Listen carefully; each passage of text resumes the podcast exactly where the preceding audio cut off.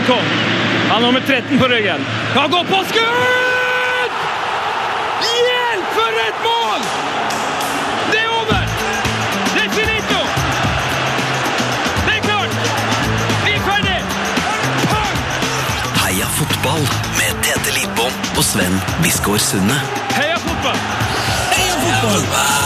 Oi, dæven. Punkeren Sven Biskår Sunde. Heia fotball! Heia fotball, Tete gutten. Godt å ha deg tilbake igjen i Norge. Ja, det er jo ikke like ja, Hva skal jeg si? Det er ikke like fint her Å, som i Kensington i London. Er det ikke det, altså? Nei, altså, altså Annenhver bil er ikke en Porsche Cayenne. Ja, sånn fint, ja. Ja. Porsche. Det er ikke Porsche nok. Ja, for det er vel Ja, sånn jeg har fått det nå. Jeg har fått min, det. Mine tanker om London, hvor du har vært de siste ti dagene, er jo um, Det motsatte. eller? Altså, det er jo kult og gøy og sånn. eh, Mhm. Og sikkert mye fine biler i Kensington. Men um, Norge, fjell, fjorder, hav, Plass sol, på gata. laks Det er vakrere i Norge, Tetefar. Ja altså, Jeg er en bygutt, altså. Eh, Jeg elsker å dra på tur okay. I skogen, okay. men ikke være der. Har det vært en bra uke for guttene? Det har vært en helt eh, vill uke. Altså, Vi har så alt, alt, altfor mye å snakke om. Både om våre egne liv, eh, om eh, gjestens liv, og ikke minst om all den sinnssyke fotballen som eh, har foregått. Eh, ja, eh, altså eh, Ting som har skjedd siden sist du på en måte var her. Det er jo to uker siden forrige ordentlige podkast. Ja. vi, var på- vi har vært på Lerkendal. Uh, vi har vært, eh, hengt litt med Nils Arne Eggen. Uh, hengt litt med Petter Wavold, hengt litt med Bent Skammelsrud. eh, Stormen Roar. London. Ny, du har flytta Jeg har akkurat! flytta, jeg har flytta, kjøpt meg en ny seng. Å, fy fader. Du har, altså, har du endelig fått boka di i liksom, fysisk Jeg har fått gitt ut bok. Du har stalka din egen bok, har jeg sett på Det har jeg gjort. Ja. Møtte Tore Reginiussen i går. Ville kun snakke om Tore på topp-hashtagen. Ja, Det må vi faktisk snakke om senere. Og så har vi lagd et dikt! Steike der, ja! Og så har vi jo vært nevnt i en bryllupstale, faktisk, i Ah. Heia Fotball. Nei, vi må, vi må bare komme i gang. Eh, Det, er- det har skjedd for mye. Å, yes. Og det kommer en ny spalte! Nei! Jo! Tetefar, er det sant? Ja, jeg har ordna en ny jingle. Herregud. Oh yes! Heia fotball. Heia Fotball. Heia Mm, ukas gjest, Tetefar. Han har en ganske grei jobb. Han jobber med fotball på TV. Ja. Han har jobba med å fotfølge landslaget i fotball. Han har jobba med å fotfølge Martin Ødegaard, eh, fotfølge Premier League, faktisk. Prøvde du å si at eh, dagens gjest er en stalker, eller? Nei, det er ikke det jeg sier, men han, har, altså, han er jo en reporter av rang, så han har fotfølgt eh, mye folk. Hockey i Norge har han fotfølgt. Han har, I det siste har han til og med drevet på og fotfølgt Tutta! Jonas Berg Johnsen fra Max og Nettavisen og TV Norge og Eurosport og alt mulig. Eh, velkommen til oss. Du glemte Fotballforbundet, gjorde du ikke det? Å, Fotballforbundet! Ja, Fotballforbundet, det er viktig, vet du. Takk for det. Hei og hå, velkommen. eh, Takk til meg, ja. Hvordan er det? Det er veldig fint med oss. Eh, Vi vet at du hadde en litt trøblete start på dagen. Ja, fordi jeg la meg klokka fire. Det ringte klokka sju på klokka, og i byen deres. Riktig, du var jo med oss i går. Ja, var det. Ja. Jeg var det. Det Det er en liten verden. Ja. Men, eh, men altså Så nå du, nå er det i Oslo? Nå er jeg i Oslo, Ja. fordi vi planla litt her, her litt dårlig. når jeg tenker på den. Ja. Vi burde jo, jeg burde ha sittet sammen med dere og, og, og kilt dere der hvor dere liker å bli kilt. Ja. Men Ja. så er du altså nå i Oslo, fordi at flybillettene dine passa sånn. Det var sånn det ble. Og så uh, Og så hadde du litt trøbbel med T-banen. Det var- Det jeg ville fram til. Ja, jeg skjønte det. Uh, jeg veit ikke hva det skyldes, om det var at det ble litt seint i går, eller om eh, jeg bare er blitt uh, forvirra av at jeg før bodde på Oslo vest, og nå bor på Oslo øst. Sånn at da jeg gikk ned på T-banen på Jernbanetorget, så gikk jeg automatisk ned mot Oslo øst. Ja, gikk av gammel vane, ja. Eh, ja, nei, ja, eller, ja, rett og tok, Du tok T-banen feil vei, rett og slett. Fire stasjoner tok det før jeg oppdaga det. Sånn er det når man har nesa ned i telefonen. Ja.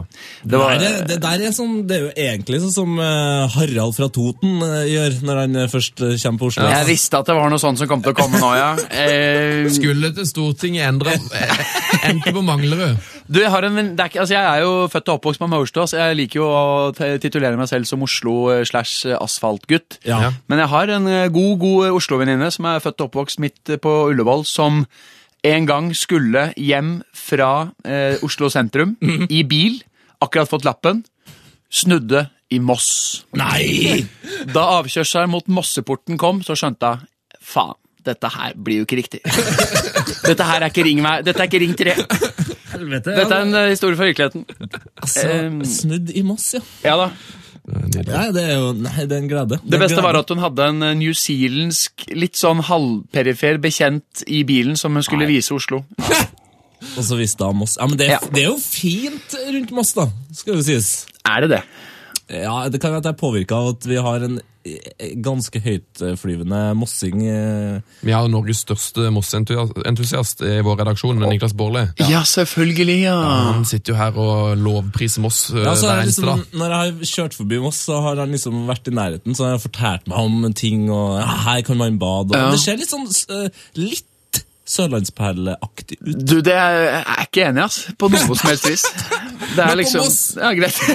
vi, vi får se, altså Det eh, er tunge tider på Melløs. Ja, det er tunge tider der. Eh, Men eh, jeg og du er jo uenig i en del ting eh, når det gjelder fotball, f.eks. Tottenham-Arsenal, så vi får se hvordan det her blir. Men jeg har i hvert fall gleda meg til denne podkasten her, for sist du var på besøk, så var jo ikke jeg her. Hvor var du da? Barcelona. Barcelona, primavera fest. Og nå har du akkurat kommet fra London. Det er litt av en globetrotter. globetrotter. Jeg prøver deg, vet du. Fasjonabelt òg, hørte jeg. Men det strøket der i London, det er ikke Er Kensington er det beste strøk, eller? Ja. Ja, altså, Leiligheten der borte var jo verdt, eh, er verdt sånn over 30, 30 mil. Så- Men alle dager. Ja, det, det er idiotisk. Åssen går det til? Ambassadebekjentskap. Å, fy faen. Ambassade. Hils på ambassadøren, gjør jeg òg! Sterkt. Kom du deg på kamp, da? La oss ta dette, Tette. Kom du deg på kamp i London? Du var der i ti dager. Det var storoppgjør som Tottenham, Manchester City, Tottenham, Arsenal, Tottenham, Crystal Palace. Det var mye du kunne se. Kom du deg på noen kamper? Nei, altså som eh, jeg sa på telefon eh, sist, så gikk jo eh, alle Tottenham-planene mine i grus. Gjorde hun det? Ja. Ok. Altså, selvfølgelig, jeg kan skylde litt på meg sjøl, dårlig planlegging, men jeg hadde billetter så, så å si for hånd. Så bort. Forsvant de bare eh, Nei, men altså det, på magisk vis, eller? Nei, men det er noen som har sagt at de ikke skulle ha billettene, som likevel skulle ha dem rett, altså dagen før kamp. Så du prøvde å kjøpe svarte, svartebørsbilletter, og så var du utsolgt? Nei, ikke nødvendigvis svartebørs. Jeg skal ikke opp i kilda- kildene kildene mine, men jeg har i hvert fall kasta kildene. Eh, bort med dem, er det. Men okay. jeg tenkte, ok, Tottenham kan skje dem når som helst eh, ellers. Null stress. Jeg drar og ser Barnet. Ja! Å! De skulle spille mot uh, Dagenham Redbridge. Redridge. Eh, Redridge, Ah. eh, og, um, og det er jo et eh, London-oppgjør, eh, altså en slags derby sjøl. Barnet lå på 21.-plass, Dagenham på 22. eh, og hjemmekamp da på Barnet. Tenkte jeg, det her er jo ikke noe problem. Tar bare T-banen eh, bort. Det skulle ta en halvtimes tid. Kjem ned på T-banen, og der står det at eh, det er litt forsinka. Men altså, det er jo ikke noe problem, for T-banen går jo ofte, som eh, Jonas vet, selv om du tar eh, Jo, men ikke helt ut til barnet. Det er jo middle of nowhere. Nei, ja, men den, går, den gikk liksom hvert sjette minutt. Ok, ok. Lørdag, her, vet du. Og så, så bare blir det liksom utsatt og utsatt. Så står jeg sånn nedi der. Det er varmt nedi her, altså. I T-banen, Ja, ja. Det er kjempevarmt. så grusomt varmt. Så nærme jorda sin vet du. Ja, og satans mye mennesker. Men jeg står der. Det går en halvtime. Nå er jeg så gjennomvåt. Men jeg tenker, jeg skal på kamp. Du var aleine òg, eller? Jeg var alene. Uh, hørte faktisk på min egen podkast, som jeg var gjest på. Det var gøy. Uh, og så kommer endelig toget. Får da vite at det er et annet tog som har uh, brutt sammen. Derfor så er det forsinka. Null stress. Jeg var ute i god tid, for den kampen her skulle jeg få med meg. Sitter på toget i et eh, kvarter. Uh, boom. Toget bryter ned. Nei, det er toget også? Det er toget òg. Nå ser jeg på klokka og tenker jeg, jeg rekker det, altså. Null, altså Jeg rekker det fortsatt akkurat. Kjem ut, får endelig internett igjen og litt luft når dørene åpner. Eh, ser at Tottenham leder 3-1 over City. Det har jeg jo da Og det selvfølgelig, var samtidig! I alle dager! det har jeg selvfølgelig ikke fått med meg. Blir både glad og lei meg. Begynner å sende snaps til Heia fotballytterne uh, om at jeg gleder meg sinnssykt til å dra på kamp. Toget bryter sammen igjen. Nei, men i- Er det mulig, ja? Altså, Det gikk litt igjen, og så bare stoppa det? Riktig. Det er et u-land, vet du, England. Det er et u-land. Altså så tåpelig elendig. Eh, så det som eh, det hele ender med, da, er at jeg ikke drar på kamp, blir forbanna, ender opp med å ha vært på undergrunnen i eh, En ti- London. En time. Ikke en time, nei. Fire timer Nei. ble det til sammen. Fire timer på undergrunnen på lørdag, så ikke en jævla fotballkamp. Verken på stadion eller pub den lørdagen. Satan. Men det er fordi jeg tipper at du vet at Barnet er jo samarbeidsklubb med Arsenal. Ja. Sånn at det, det er sikkert derfor. De ville ikke ha deg der. Nei, nei, så neste det er gang boykott. Neste gang jeg drar til London, så skal jeg ha med meg enten deg, Sven, eller deg, eh, Jonas. Eh, Hva med begge deler? ja, ja, gjerne. Begge Ja, deler. Eh, jeg sa det, Jonas, du er jo Arsenal-fan, og jeg vet at du er sånn Selv om du er TV-mann og er på mye kamp gjennom jobb, så er du jo fan og har reist mye over. Liksom, jeg ser for meg at du er litt flinkere til Tete til å faktisk få kjøpt billetter. At du kan det systemet da, litt bedre. Jeg vil påstå det, men det hørtes ikke ut som Tete hadde jeg vet ikke, gjort den innsatsen som skal til. da. Nei, det er som har gjort mye, mye feil her. ja, Jeg, har gjort mye jeg feil. altså, jeg, skal, altså, jeg tar det på min egen kappe at jeg er jo ikke altså, Jeg er jo glad i å dra på kamp.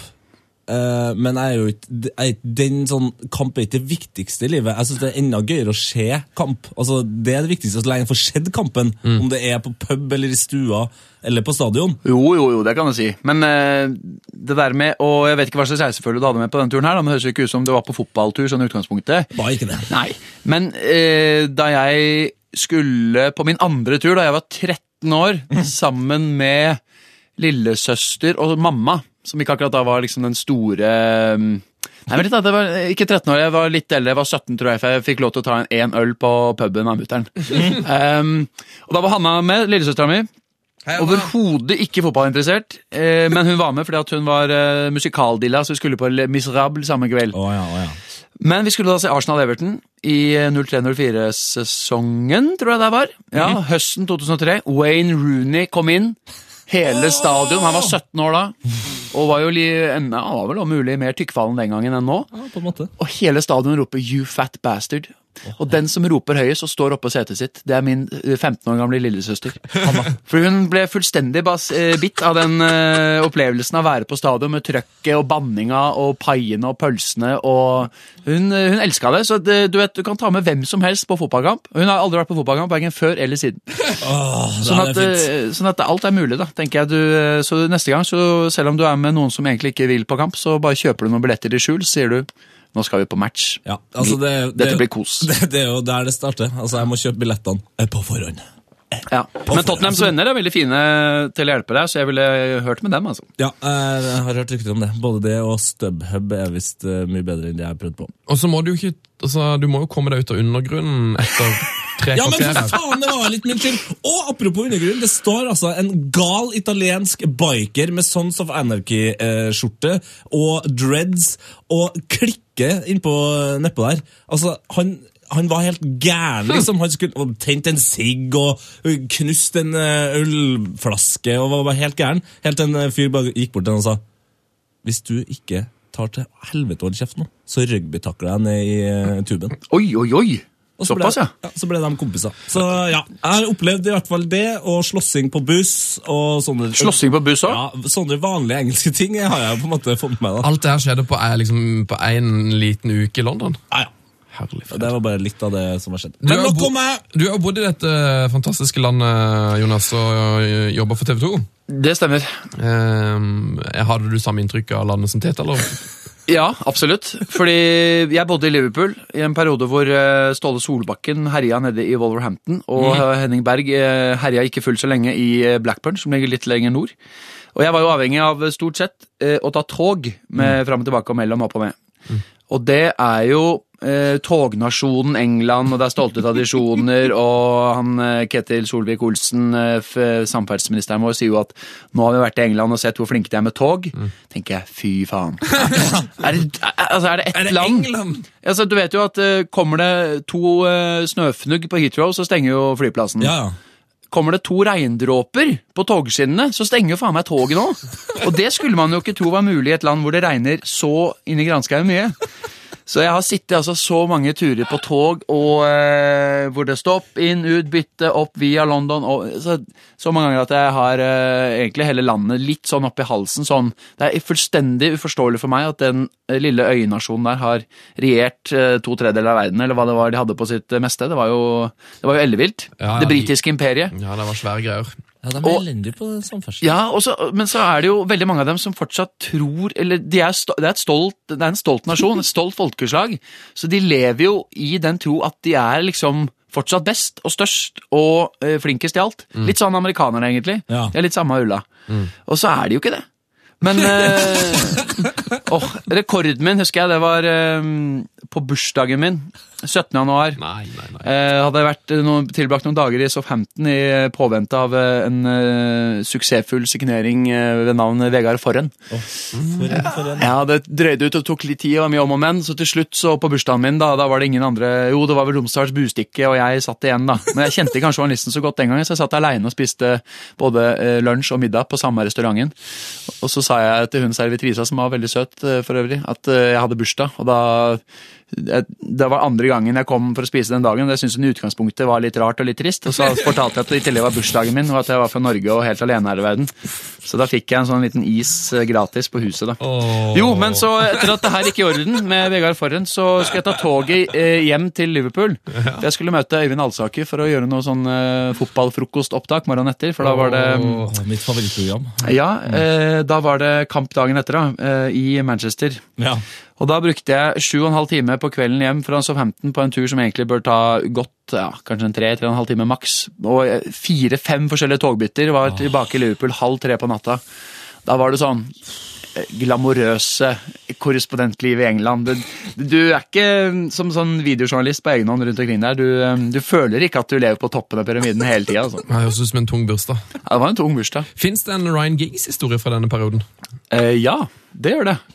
Eh, fordi at eh, Litt av formålet med å flytte over var jo at man skulle komme tett på de store stjernene. ja, og du har jo, som Sven sagt, fotfølt makt. Max. Eh, ja, eh, men det som var, var jo at eh, i hvert fall den tida, for dette var siste sesongen til Sir Alex i 12-13, og han bestemte jo mer eller mindre alt som foregikk i Premier League. Så hvis mm. Sir Alex ikke likte en idé, eh, eller ville beskytte klubben sin eller spillerne sine, så sa han nei. Og da syntes jo Arsenal og Chelsea og Liverpool alle de andre at det var jo helt kurant, for da kunne de også bare peke på United og sa nei. Så lenge United sier nei, så sier vi også nei. Så det var jo veldig vanskelig å få avtaler med intervjuer og sånt nå. Nå har det blitt mye bedre. Med en gang eh, Ferguson ga seg, så ble det åpnet opp. Eh, men vi fikk i hvert fall en mulighet til å intervjue Ryan Giggs. Ja. Paul Trafford. Jeg husker ikke helt hvorfor, men det tilbød United seg i hvert fall av. Da takket og booket vi selvfølgelig, og fikk beskjed om at intervjuet skulle foregå klokka tolv. Vi skulle bare møte opp eh, halv ni Paul Trafford. Tenkte jeg, ok, det var litt tidlig, men eh, selvfølgelig. Vi gjør jo som Manchester United sier. Halv ni etter Paul Trafford. Ingen eh, fra United kom og henta oss. Vi var oss og sin gjeng britiske journalister av litt forskjellige slag. Nærmere ni så kommer det en litt sånn mutt eh, sikkerhetsvakt og sier at vi skal følge han, og ingen forklaring på at vi hadde stått 25 minutter ute i pissregnet. Oh, nei, nei. Nei, men vi er inn på et møterom der, og så blir vi forelagt en sikkerhetskontrakt. ehm, En om sikkerhetskontrakt? ja, hvor det på åtte av fire sider, som vi måtte lese gjennom nøye, i på, liksom, eh, sammen med han sikkerhetssjefen, eh, hva slags regler som gjaldt på Old Trafford. Eh, og det her var da i etterkant av at vi, eh, eller da vi eh, gjorde avtalen, så fikk vi mm, streng beskjed om at vi måtte ha på sånne anleggsarbeidersko, sånne steel capped shoes, sånne med stålkanter og tupper. Og så sendte jeg en mail tilbake og lurte på hvorfor må vi ha på oss det. Um, nei, det var bare sånn det var. Og så tenkte jeg, ja, ja, skal vi via noe byggeplass, eller hva er det de holder på med Paul Trafford, tenkte vi da. Men det var det ingen som stilte spørsmålstegn ved. men eh, så, på vei liksom etter at vi hadde gjort unna sikkerheten og skrevet under kontrakt om at hvis vi så noen terrorister, så måtte vi ikke gjøre noen ting. Da måtte vi henvende oss til sikkerhetssjefen der, og eh, sånn og sånn og sånn. Og så fikk vi klar beskjed om at det er 360 kameraer på Old Trafford, så ikke prøv på noe tull, osv. osv. Så så spurte jeg han eh, men ok, vel og fint alt dette med sikkerhet, og jeg skal si ifra hvis jeg ser en terrorist, men hva med disse skoene? Hva i alle dager skal vi med disse skoene? Jo, det er jo hvis kameramannen din mister det tunge kameraet sitt ned på føttene dine, så skal ikke Manchester United stå til ansvar for det. Nei, amerikanske ja, Det er altså- problemet her. Eh, Det er jo liksom hoderystende dumt. Sånn helt, det er jo helt idiotisk. Og ikke minst fordi at det jo hver eneste gang det er kamp på Old Trafford, så er det jo mange titalls kameraer i sving, masse pressefolk, kamerafolk, journalister, som absolutt ikke springer rundt i steel capped shoes til enhver tid. Det er liksom så en ting er at det er helt meningsløst, men det er så motstridende med at ok, på denne veldig enkle intervjusettingen så må dette skje. Ja, nei, i det hele tatt. Så, vi, eh, så jeg var litt sånn oppgitt da, og litt lei da vi var ferdig med dette sikkerhetsmøtet kvart over ni. Og, det var, eh, og så fikk vi beskjed om at Ryan Giggs skulle komme klokka to. Nei! jeg, men For det første var det ikke klokka tolv. Nei, det er klokka to nå. Ja vel, ok. Og ikke noe hyggelig tone. Så sier jeg, men hva skal vi gjøre nå i nesten fem timer? Nei, dere må sette opp kamera og holde på med deres. Ja, men det tar jo to minutter, liksom. Ja, nei, men det, faen, jeg driter vel i det. Gå i Manchester United-restauranten da, og spis. Så da gjorde vi det, og så kommer gigs, og det var egentlig for så vidt utgangspunktet hyggelig, det. Um, bare det at mannen var jo da 39 år. Ja. Gjort, gjort dette sikkert en million ganger, disse intervjuene med diverse media. Allikevel så insisterer United på å ha to pressedamer inne i det knøttlille intervjurommet vårt, Oh. hvor de følger slavisk en sånn eh, spørsmålsliste som er blitt godkjent på forhånd, hvor jeg hadde sendt inn over 30 spørsmål. Og så fikk jeg sensurert eh, 26 av dem. Fikk beskjed om at disse fire kan du stille, og så har vi lagt til to selv. Nei! Jo, og hvis jeg ikke fulgte rekkefølgen på de spørsmålene så hadde, liksom, Vi hadde jo en slags samtale, da, og den fløt, og så ramla vi sånn at vi hoppa over et par spørsmål, så jeg gikk liksom til spørsmål fem, for det falt naturlig. Ja. Og da begynner hun å blafre med arket og avbryte intervjuet, hun ene pressefascisten, som vi etter hvert kalte henne. Og liksom Giggs skjønte ingenting. What is this? Og jeg bare You're not following altså, du, du må følge følge planen, sa hun. Jeg alle dager, skal jo komme til altså, det, var, det, var helt absurd, det var helt absurd. Og jeg fikk jo da egentlig bare lov til å stille seks spørsmål på ett kvarter, som om Ryan Giggs skulle svare i nesten tre minutter på hvert svar, og det gjør man jo ikke. Nei. Så det ble, hele greia var bare rar, veldig rar. Altså. Og det virka som at det her var litt, litt nytt også for Giggs, at det var så mye styr. For det ødela liksom mye av tonene han satt der og liksom syntes hele opplegget var litt uh, var merkelig, da. Så det ble ikke noe sånn superbra intervju, for å være helt ærlig. Ja, tror jeg på. Ja. Jeg Men liker, eh, liker at du kom halv ni, eh, og litt sånn kvart over to-tida der, så gikk du litt sånn sluk, bare dro kamera ja, Men de kom jo ikke to. De kom jo sånn ti over halv, kvart på tre. Ok, ok, så Ja, ja, ja. Og men det er ingen som kan si noe på det, ikke sant? Så, men det, vi fikk møte Ryan Giggs, så det var vel, man skal vel ikke klage over det. Nei da. Nei, det er jo for det som har eh, kost seg med han. da lar vi den dø. ja. Vi lar den ligge. Du må ta og høre litt på en av mine favorittsanger i hele verden. Nei, men for ja,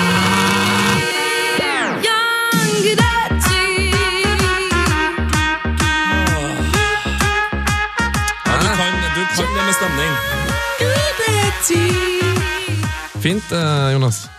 Hva er dette? Dette er en av de største hitsene i Sverige for tida. Um, Ja, det er, for, det er jo det eneste som er gøy her, at det er en sang til uh, Gudetti. Jon. Nei. jo da. men Er det Jon? Rett etter at han, uh, når de vant uh, dette mesterskapet i sommer, så ble det lagd denne klubbhiten, uh, som Tete ikke er så glad i som jeg er, kan du si. Nei, Men- altså, musikken er, altså, den, den gjør meg eitende forbanna, altså, men eh, innholdet er for så vidt greit. Hva synger han om? Eh, Hun, hun, synger at, uh, hun synger om John Gudette, 'Will You Marry Me'. Det, Oh, ja, så det er ikke, John Gudette er ikke med på det sjøl? Nei, han blir nevnt. eh, Sangen handler om han, ja. Oh. Den heter vel også The Gudetti Song? Ja, jeg tror det. Ja, sånn. Eh, fra Bad Poiken, er det det? Ja, Altså? Bad Poiken. Tror jeg det er. Men var det, er det en hit, eller var det bare tøys? Det, er, det er ikke tøys. Den, tre eh, uker siden lå på førsteplass i Sverige. Nei! Jo da. Jo da. Men hva skjedde liksom med den stolte poptradisjonen eh, nasjonen eh, Sverige? Nei, Du kan jo spørre folk som eh, Sven, da, som liker låta. Alle dager. Ja. Jeg synes det er en topplåt. Ja. Eh, og jeg vet at mange av lytterne der ute eh, som følger oss på Snapchat og Twitter og Instagram og eh, det som verre er, eh, jo liker denne sangen, da. Vi, er du sikker på det? Alle lytterne tar det? Alle jeg, lytterne alle, kan jeg tror ikke alle liker den, men jeg tror det er noen, noen digger den, og noen hater den sikkert. Eh, Jonas, eh, velkommen til oss. Jo, takk. Eh, Sitter jeg en stund, jeg. Du, du, du retta på meg i begynnelsen her og sa at du måtte nevne at du jobber for NFF. Eh, Ja. Og siden sist du har vært gjest, så har du faktisk blitt kritisert Eh, ja. eh, ganske kraftig for å være inhabil i din dekning av landslaget, da du på sett og vis jobber for landslaget sjøl. Eh, ja, det er vel å trekke det litt langt. At jeg jobber for landslaget. Eller, ja, eller det er vel opp til enhver som uh, hvordan du vil se det. Men Ja. uh, kort fortalt, så er jo jeg Deler av mitt arbeidsforhold er i Ullevål Mediasenter. Som er et relativt nytt produksjonsselskap som uh, står fritt og er på egne bein osv. Har et eget styre og stell. Men som jo er deleid av Norges Fotballforbund. Ja. Og det er jo eh, selvfølgelig ikke helt tipp topp ideelt, i og med at jeg skal dekke landslaget og en del andre gjørende Laden i norsk fotball. Men eh, når jeg dekker landslaget, så jobber jeg for Discovery, eller TV Norge Max, da, og har eh, Jan Erik Aalbu som redaktør. Ja. Og det er sånn at UMC er jo et produksjonsselskap som leverer primært egentlig teknisk innhold. altså Studio til eh, Max og TV Norge ligger i Ullevål Mediasenters eh, lokaler. Der har det vært et spleiselag. Så det er jo sånn at vi eh, samarbeider om dekninga, men eh, det er Jan Erik Aalbu som er redaktør, og som bestemmer over Karsten og meg og Kenneth og alle de som da dekker og jobber med landslaget. Okay.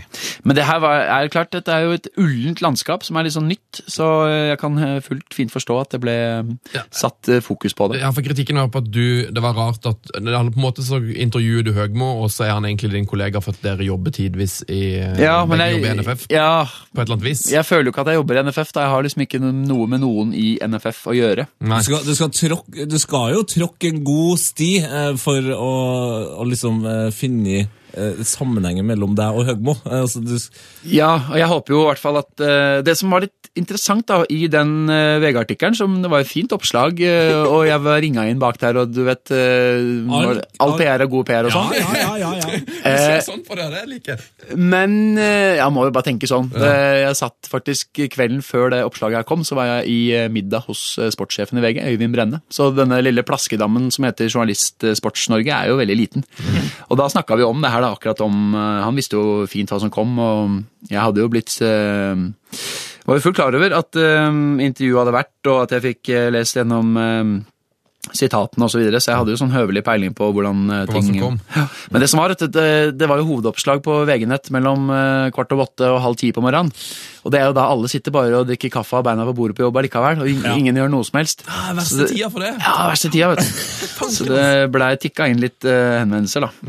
Men jo, det jeg skulle si, var at starten på artikkelen var veldig jeg synes den var fint bygd opp av Sindre Øgard, journalisten. okay. Fordi Hei, i ingressen så står det noe sånt som at eh, Norge har spilt 0-0 mot Aserbajdsjan, skuffende landskamp, folket vil høre Høgmos dom fra eh, i postmatch-intervjuet. ja. Men så, vet dere hvem som skulle stille det intervjuet? Han jobber i NFF. Det var noe sånt. Og da bygges det opp til at her kommer det et eh, kile deg på ryggen, stakkars Gratangen, eh, tidligere kommunestyrepolitiker eh, Per-Mathias. Eh, hvordan var dette, liksom? Uten at det kommer noe kritikk og litt substans i det intervjuet. Men man vender jo aldri tilbake til intervjuet i artikkelen. Nei. Og det, sånn Rent dramaturgisk så burde han jo egentlig ha gjort det, at eh, man eh, kom til at her er det et ordentlig syltynt møkkaintervju. Mm. Og det håper jeg at det ikke var. Det er vel den, det intervjuet som jeg har vært eh, strengest med Per-Mathias. Ja, for du, du åpner liksom ikke samtalen med Mathias som sånn Hei eh, Kalte du han for Mathias nå? Ka- Per-Mathias? Ja, Tete kalte han for Per-Mathias, Ja, ja, ja, ja. Er dere der nå? Er det du og Mathias, liksom? Ja, jeg skal ikke si hva, hvor inhabil jeg er i den saken der. Det Så, så det er så dus at du dropper liksom deler av fornavnet. Vær så god, VG. Der fikk dere den. Ja. Nei, men eh, så Uansett, så jeg føler at jeg har midt på det tørre, så det, det der står jeg fjellstøtt i, altså. Og så nå var du, jeg likte nå kritiserte du VG. For greit, De kritiserer meg for åssen min, mitt arbeidsforhold er, men jeg syns saken om, om meg var litt tynn. For Jeg syns den var litt tynn. Jeg må syns altså. intervjuet. Men litt tynn, ja. Hvertfall, men jeg synes det var en god opp, ja, veldig god start, men samla den liksom komme tilbake. Du vet, du vet sånn, du, Dere har gått journalistikk, dere òg? Nei, nei da. Nei, nei, nei. Sånn, når du lager en historie, skal liksom fisken møte seg selv i halen til slutt. Det er når du tegner en sånn enkel fisk. ikke sant? Mm, Ja, riktig. Du må vende tilbake til ja. Til starten, ja.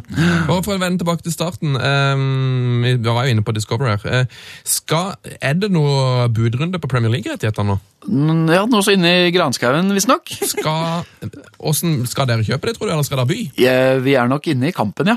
Men jeg vet veldig lite, altså. Ja. Jeg skulle ønske jeg visste alt, og at eh, jeg kunne si her og nå at vi får det. Det hadde vært helt fantastisk. Men eh, det her er jo storpolitikk, og disse amerikanske eierne, altså Discovery, som du sa, de eh, kuppet jo hele OL. ja. fra 18 til 24, og det var jo, gjorde de ved å kjøpe for hele Europa. De sa liksom til IOC, her har vi eh, pengeseddel for 50 land, smakk i bordet. Og da fikk de jo det.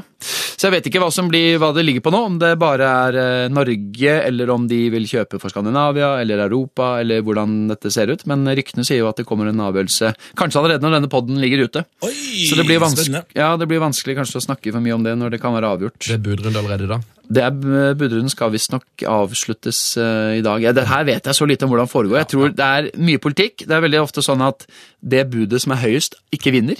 Og det høres jo litt rart ut, men her har relasjoner og tradisjon og hvem som har kjent hverandre i mange år osv. mye å si. Det er en grunn til at uh, vi har klart å holde på Champions League i 25 år, f.eks. Uh, og det er en. Nei, og jeg sier ikke at det er smøring eller korrupsjon, eller sånn, det er bare at uh, det handler jo også om seertall og hvem typ at Skiforbundene og Skiskytterforbundet og sånn syns at det er ok at eh, ting går på NRK, for eksempel, fordi Mm. der er det 600 800 000 seere som sitter og ser på. Mm. Du vil ikke få det samme på TV 2 eller TV Norge. Mm. Eller Eurosport, for den saks skyld. Så eh, det her er et spill som er veldig komplisert og vanskelig å forstå for oss som ikke veit noen ting om det. Det blir spennende å se hvem som får disse rettighetene. Og så må man jo da håpe at snart noen begynner å vise italiensk fotball til etter hvert. Ja! Ja, for det er jo det som er kjipt nå. I limboen her så ligger jo spansk og italiensk og fransk. Ja. Eh, fransk er kanskje ikke så mange som etterlyser, men eh, det er jo det at ingen, ingen vil bruke penger. Ja, ingen vil bruke penger før man har sett hvor ender Premier League, og deretter kommer tippeligarettighetene fra 2017 i spill. Fordi uh, dette her er uh, De som ikke får uh, Premier League, vil jo være ganske desperate etter å få tippeligaen, tipper jeg. ja. Tippe, tippe. Tippe, tippe. Men eh, det er synd med italiensk og spansk. Men nå får vi jo sett det på eh, Går ikke det stort sett på VG og Josemar og Jo da, det, det det er jo en noe- slags uh, er streamingmuligheter. romfolkaktig vandring på internett uh, for italiensk fotball akkurat nå. Å, dæven, Til og med Andreas Seljås sin blogg har vel ja. eh, streama noen av disse kampene. Ja, ja, ja.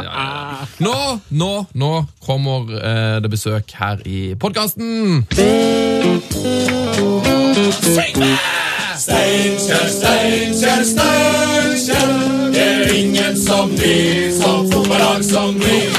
Gå nå på, så skal vi slå. Ingen kan slå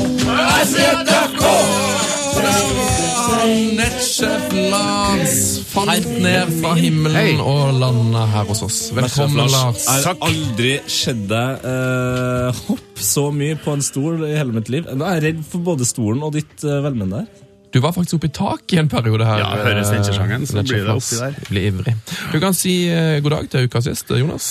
God dag, Jonas. Takk for sist. Takk for sist. Hei og hå. Det Hei, var hei. på Moan, vel? Vi så Levanger Brann. Det var eh, strålende. Det var en eh, fin kveld. Det var, ja, ikke for Rikard Nordling. Nei, Nei, det var det hans nesten nådestøtte. Nesten. Det var det. Det var Det den var siste det. kamp. Det var Han det, fikk sparken dagen etter. Stemmer. Oh, ja.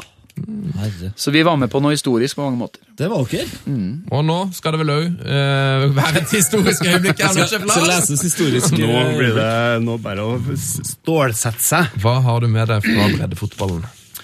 Skal vi se. Ja, eh, vi har fått eh, masse tips, eh, selvsagt, og det er bare å fortsette med det. Det- Send inn på e-post. er så bra, vet du. Eh, send e-post til heiafotballkrøllalfa.nrk.no. Og det er det altså stadig flere som gjør. Det kommer inn så mye bra eh, breddefotballtips.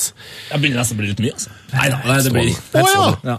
Nei, det er bare min e- e- mail. Vi tar jo bare det beste, da. Ja, det gjør vi. Så ja, bare fortsett. Ja. Har du en god historie fra ditt eh, lokale breddefotballag, få det inn. Finnmark til Lindesnes, sånn si. Eh, første tipset er da fra Frank Jørgensen. Ja. Hei, dere må sjekke ut Martin Lundemo Syvertsen. Som det ble laget innslag om i en konkurrerende mediebedrift. da. Eh, han skåra 55 mål på én sesong. Nå har han gått fra 55 Holt, ja, nå har han gått fra Holter i åttende div til eh, Akershus fotballkrets. Det er Hau, Hauerseter i tredje divisjon. Ja, han gjorde det voldsomme Åttende Ja. Til tredje. Ja, det er bra. Og så sier han at dette må jo være noe for breddefotballspalten. Svaret på det er Ja. Ja. Det er ja, og kan vi si at femte, fem divisjoner i et jafs er jo bra. Er Og bra. ikke minst 55 mål på én sesong er jo kurant. Eh, Jeg sjekka litt eh, Haugesæter nå for å få en oppdatering. Martin har skåra ett mål. Men eh, Haugesæter har tre strake tap, men de ligger da på fjerdeplass uten fare for verken opp- eller nedrykk.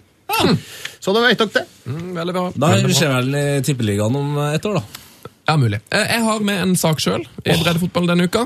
Gleder meg. Yes, eh, Vi har jo fått tips mange ganger om et lag som heter Hamar IL2. Har du hørt om disse, Jonas? Nei! Det er et um, Vi skal til femtedivisjon avdeling fire i Indre Østfold fotballkrets Nei, Indre Øst, Østland eh, fotballkrets. Østland, ja. ja. Et eller annet sånt. Um, der er det et lag som spiller syverfotball, som har gjort det ganske um, Dårlig. Ja, de har gjort det ganske dårlig. Eh, og um, fått så mye tips at jeg tenkte rett og slett måtte ringe og snakke med dem og høre hvorfor det har gått så dårlig. Hvorfor har de tapt altså noen kamper 33-2, eh, 33-2 for eksempel? 33-2! Ja da. I alle dager. En ganske dramatisk historie. En ganske flott historie om et ganske flott uh, lag. Uh, vi kan nå hilse på en av lagets stjernespillere, som heter Fredrik Skarderud. Dette er Fredrik Skarderud. En mann du garantert kommer til å bli glad i i løpet av de neste tre-fire minuttene. Fredrik er venstreback og keeper på Hamar IL 2. Hamar IL2 er jo en eh, klubb for eh, Eller er et lag eh, med folk som syns det er artig med fotball, men ikke så artig med trening. Hvor ofte trener dere? Nei, Vi har trening én gang i uka. Det er på onsdager fra halv sju til åtte. Men ofte så blir kamp prioritert foran trening. Vi er fire som trener, jo. Altså, det er litt variabelt etter det. ja, dere er fire som trener. Hvor eh, ligger dere på tabellen for de som ikke følger laget så tett? Eh, Vi ligger nederst eh, i vår avdeling i femtedivisjon. Helt nederst på femtedivisjonstabellen, avdeling fire for syverlag, finner du ditt nye favorittlag. De har tatt um, ett poeng i år, de. På 15 kamper. Det var fantastisk setting på den kampen. Eh, oppe i Nybygda. Det var femtedivisjon, og de hadde spiker som hadde på seg dress og leste opp eh, resultatene i Tippeligaen i løpet av helga. og annonserte måla og greier, så det var stort å ta poeng der. Ja, fantastisk. Um, hva er det største tapet deres i år, da? Jeg lurer på om det største tapet kom mot uh, Gjesnes-kameratene. Vi røk på en liten 33-2, tror jeg. Ja, det har blitt noen baklengs for Hamar IL2 i år. 271 baklengs, for å være mer spesifikk. Og det har skjedd på skarve 15 kamper. Det er et snitt på 18,06 mål per kamp. Er de det beste laget i serien, da, eller? Nei, langt fra de beste. Vi møtte de i fjor òg, da vant vi faktisk begge kampene mot dem. Du skjønner, Kampen før så hadde vi møkkete drakter, vi må vaske draktene sjøl. Og det hadde ikke blitt gjort. Så da ga vi guidelines på den kampen at vi skulle prøve å bli minst mulig svette. Så, så slapp vi å vaske etter kampen, da, vet du. Svettedrakter det er et av problemene som Hamar IL2 har slitt med i år. Og som du sikkert skjønner, så har det vært en del skjær i sjøen denne sesongen. Ja, Vi hadde litt trøblete oppkjøring til sesongen. Vi røk på noen slankeoperasjoner og noen prolapser og hadde mye problemer. Uff da. Men nå, nå begynner det å bøtte inn mål for spissen vår. Han har blitt veldig mobil nå. Hva er målet for sesongen, da? Målet for sesongen er å ha det gøy. Vi har hatt kamp på Brøttum nå på søndag. Da er det full innsats. Fantastisk. Eh, Jeg må spørre, da. Har dere keeper? Nei, jeg har ikke keeper, så første del av sesongen så tok jeg på meg keeperhanskene. Ai! Ja, ja. Så det er ikke lett å være keeper, og to prolapser i ryggen sånn det er ikke greit, vet du. Er det du som har prolaps òg? Ja, doble prolaps. Oi. Og bekkstrev Oi, fikk jeg påvist her. Oi, oi, oi, oi. Men det går bra. Det er Det går bra. Alt går bra, vet du. så Bare må det være blid. Så fantastisk. Man blir jo glad av dette Hamar IL2-laget. Dobbel prolaps og Bechdrevs sykdom det hindrer ikke Fredrik Skarderud fra å kose seg i målet for et av Norges aller dårligste fotballag. Det er lag som har gått på større smeller enn oss. Mikronesia tapte jo 46-0 her mot et eller annet annet landslag. Hamar IL2 de trøster seg med at det finnes verre lag, og i den anledning kan man jo nevne at verdenshistoriens største tap kom 31.10.2002 på Madagaskar. Da tapte SO Myrn i småpene 149-0. Men nok om det. Denne reportasjen den handler jo egentlig om vår nyforelskelse i Norges aller dårligste fotballag, Hamar IL 2. Vi spilte jo en kamp her eh, etter en landslag, en landslagskamp for gutter under 18. Da trodde de at det var et eller annet. Vi har veldig fine drakter. Heel-draktene ser nesten ut som norske landslagsdraktene. Så da trodde jeg at det var et eller annet form for landslag som skulle spille etter den kampen. da, når vi kom på banen. Hvor mange tilskuere tror du da? Jeg var opp mot, ja, Det begynte vel på noen hundre, og så endte det vel på fem. Ja, det er konge. Da må jeg bare ønske lykke til resten av sesongen for Hamar IL2. Jo, takk skal du ha. Takk skal du ha. Og så håper jeg dere koser dere med tittelen som et av Norges aller dårligste lag. Det skal vi kose oss med. Så vi kose oss med siste seriekamp på søndag og ta en fest etter, etter kamp. Ja, og så må du passe deg med prolapsen og Bektrevsen og ja. fedmeoperasjonen og alt det her. Ja, det er mye. Vi har hatt mye i år, altså. Neste år det var historien om Hamar IL2. Hæ? Ja, det er mørkt, vet du. Det er bekemørkt, men samtidig ganske fint. Veldig, veldig fint. fint. Ja. Eh, han, jeg elsker han, eh, han som vi snakker med her, Fredrik. Eh, han har altså vært keeper for dette laget. Har hatt to prolapser eh, og har fått bekkdrevs, men han ga ikke opp. Det, det er vakkert. Ja. Uff a meg. Ja, det, men det, for en lidenskap. Å oh, ja. Det er akkurat det Det er akkurat det som gjør det fint uh, å være keeper og hva, venstreback òg. Ja, keeper og back. Uh, og jeg har uh, jeg snakka med Fredrik uh, senere, og han, for de har blitt liksom, det er mange som har lagd sak om de nå etter at Netchef Lars tok de opp her i breddefotballspalten. Så du kan, fin, kan, finne flere saker om Hamar IL hvis du søker på nett. Og så har jeg fått en avtale med de. De skal sende en drakt i posten. Yes! Så vi kommer til å få en Hamar IL2-drakt ah. som vi kan gjøre hva vi vil med. Kanskje vi vil bruke den sjøl, kanskje vi kanskje vil dele den ut. Kanskje du vil kjøpe den, Jonas? Hvem vet? Hvem vet? Hvem vet? For en premie. Har vi flere eh, saker fra Ja da, vi har to saker til, faktisk. Vi skal til Råde. Hei, Råde! Ja, hei, Råde. Det er da Jakob Berg som uh, tipser oss her. Mm. Uh, han er veldig Råde-fantast. Og Vi har jo snakka om ambisiøse Råde IL tidligere i podkaster. Er han Råde vill? Han er Råde... Han ikke ja. Oh. ja, ja, ja, ja. Helt vill! Shots fired! Eh, vi har snakka om at Fredrikstad-spillere som Vidar Martinsen har tatt turen hjem til moderklubben, og at de satser ganske hardt. Ja. Mm. Nå kan de rykke opp sin Jakob her. Ganske lang e-post som egentlig vi ikke trenger å lese, men jeg vil fordi vi har snakka om det før. Ja. Spør tilbake til tidligere podkaster. Men i, den 10. oktober er det et stort arrangement i Rådet. og da kan det jo selvsagt bli fest hvis opp opprykket er eller blir sikra på den kampen. Mm. Jeg vil lese opp litt fra programmet. På... Oh, ja, det, altså, det er et skikkelig program? Ja, ja, ja. ja, ja. Ah. Eh, eh, fra ni til tre salg av supporterutstyr i Karlshus under markedsdagen. Så det er Martna og masse greier hele rådet. 11.30 til 13.30. A-laget skriver autografer. Konge! 13.00 auksjon i Karlshus. Støtt rådet i gjeld og by på mange flotte gjenstander. 15.15 Skolemusikken spiller. 15.50, nå begynner det å nærme seg kamp. Mm. Nå er det innmarsj. Oi. Og avspark tas av Samantha Fox! Kjendisavspark! Ja, det er kjendisavspark. Men uh, skal hun ta det med beina eller med brystet? Ja, ja. Jeg vet ikke. Hun skal spille på et arrangement der. Nei, så fett. Det er Norge, Norgesvenn-avspark, vil jeg si. Ja, det er det, altså. Samantha, altså. Oh. For vår yngre lytter så kan Når du sa si dette at var? Det er 10. oktober. Skal du dit? Ja, Det høres jo sånn ut. Du må jo bare ta turen. Det er samme dag som Norge spiller mot Malta, da. Ja. jeg veit ikke helt om jeg kan. Ja, det er sant. Men hadde du eh, plakat av Samantha Fox på gutterommet? Eh, Jeg var en eh, Pamela Andersen-mann.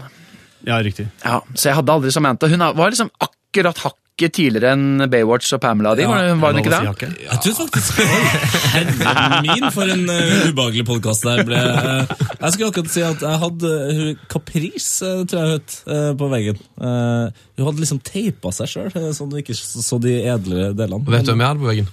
Steve Bruce. Yes. Ja, altså, Vi hadde vel fotballspillere, vi òg. Men hadde Steve Bruce i bar overkropp, liksom? Nei, nei, nei. nei. I, uh, i seks, rød 96-drakt. Ah, okay. uh, Tror du det fins et bilde av Steve Bruce i bar overkropp? Jeg håper ikke det. Jeg håper ikke det. Spørs, ja, det er vidvinkel, i hvert fall. Ja, Hvor han klemmer på Gary Pallister. Oh, med Dennis Irvin bak. Han ble for lite breddeaktig her. Må skjære gjennom her. Steve Bruce Jeg bare, så, kjør, kjør. Jeg- Nei, bare, bare ta, ta en sak, jeg skal se om jeg finner et bilde av Steve Bruce. Ja, for nå sklidde ut her. Nå må vi Jeg googler- Jeg googler Steve Bruce Baris. Ja, med, på bredden! Med bredde. Skal vi se. Ja, Siste tips uh, fra PK Klanderud igjen på Twitter. Hei, PK. Hei, Å ja, det fins masse bilder! Jeg googla, jeg òg. Hva, er hva, er du- hva er du må google? Jeg, jeg Steve Bruce naked. Fader. Og Naked, ja. Ja, Du som hører på, gjør det samme. yes! Yes! Å, dæven! Naked. Steve Bruce shows a lot of front. Det var ikke meningen å avbryte. Vi var vel på vei inn i siste breddefotballen. Hva ser ut som en eh, levende sommerkotelett. altså, det er jo Rødbrus, eller? Ellevilt. Å, nå ble jeg glad. Å, se et bilde av at han stuper! Har han sett? nå Nei, nå det blir det mye. Stupebildet er det helt magisk. Der, på Gå inn på vår Instagram-profil, sporenstreks, der Der heter får du- P3 Heia Fotball. Der er det altså et stupebilde av Steve Bruce. Av de sjeldne. Ok. Nå Du, se her, altså, eh, du får opp fryktelig mye annet stygt òg når du googler Steve Ja. Bruce Naked, så advar eh, publikken da mot det. Ja. ja, ikke, ikke gjør det med mor di bak deg, eh, for å si det sånn. Nei. Eh, Søk heller på Steve Bruce Diving. Da får Ja. du masse gode bilder. Ah, Ja. Ja, Det er jo et, det er jo et svalestup av de helt sjeldne, altså. Ja. Nei, det er vakkert. Beklager avsporinga. Nei, dere der er ikke noe å beklage. Dere der var bare nydelig. Det var jo bredt. Det var veldig Ja, Steve Bruce var bred, ja. Skal vi ta siste saken, eller? La oss gjøre det. La oss Det er gjøre det. da Mr. Klannerud igjen, da. Hei, heia fotball, Klannerud. Hei, PK. Det er da en sak fra Fredrikstad Blad eh, om Berat Yusufi. Fint navn. Hørte man, eller? Nei.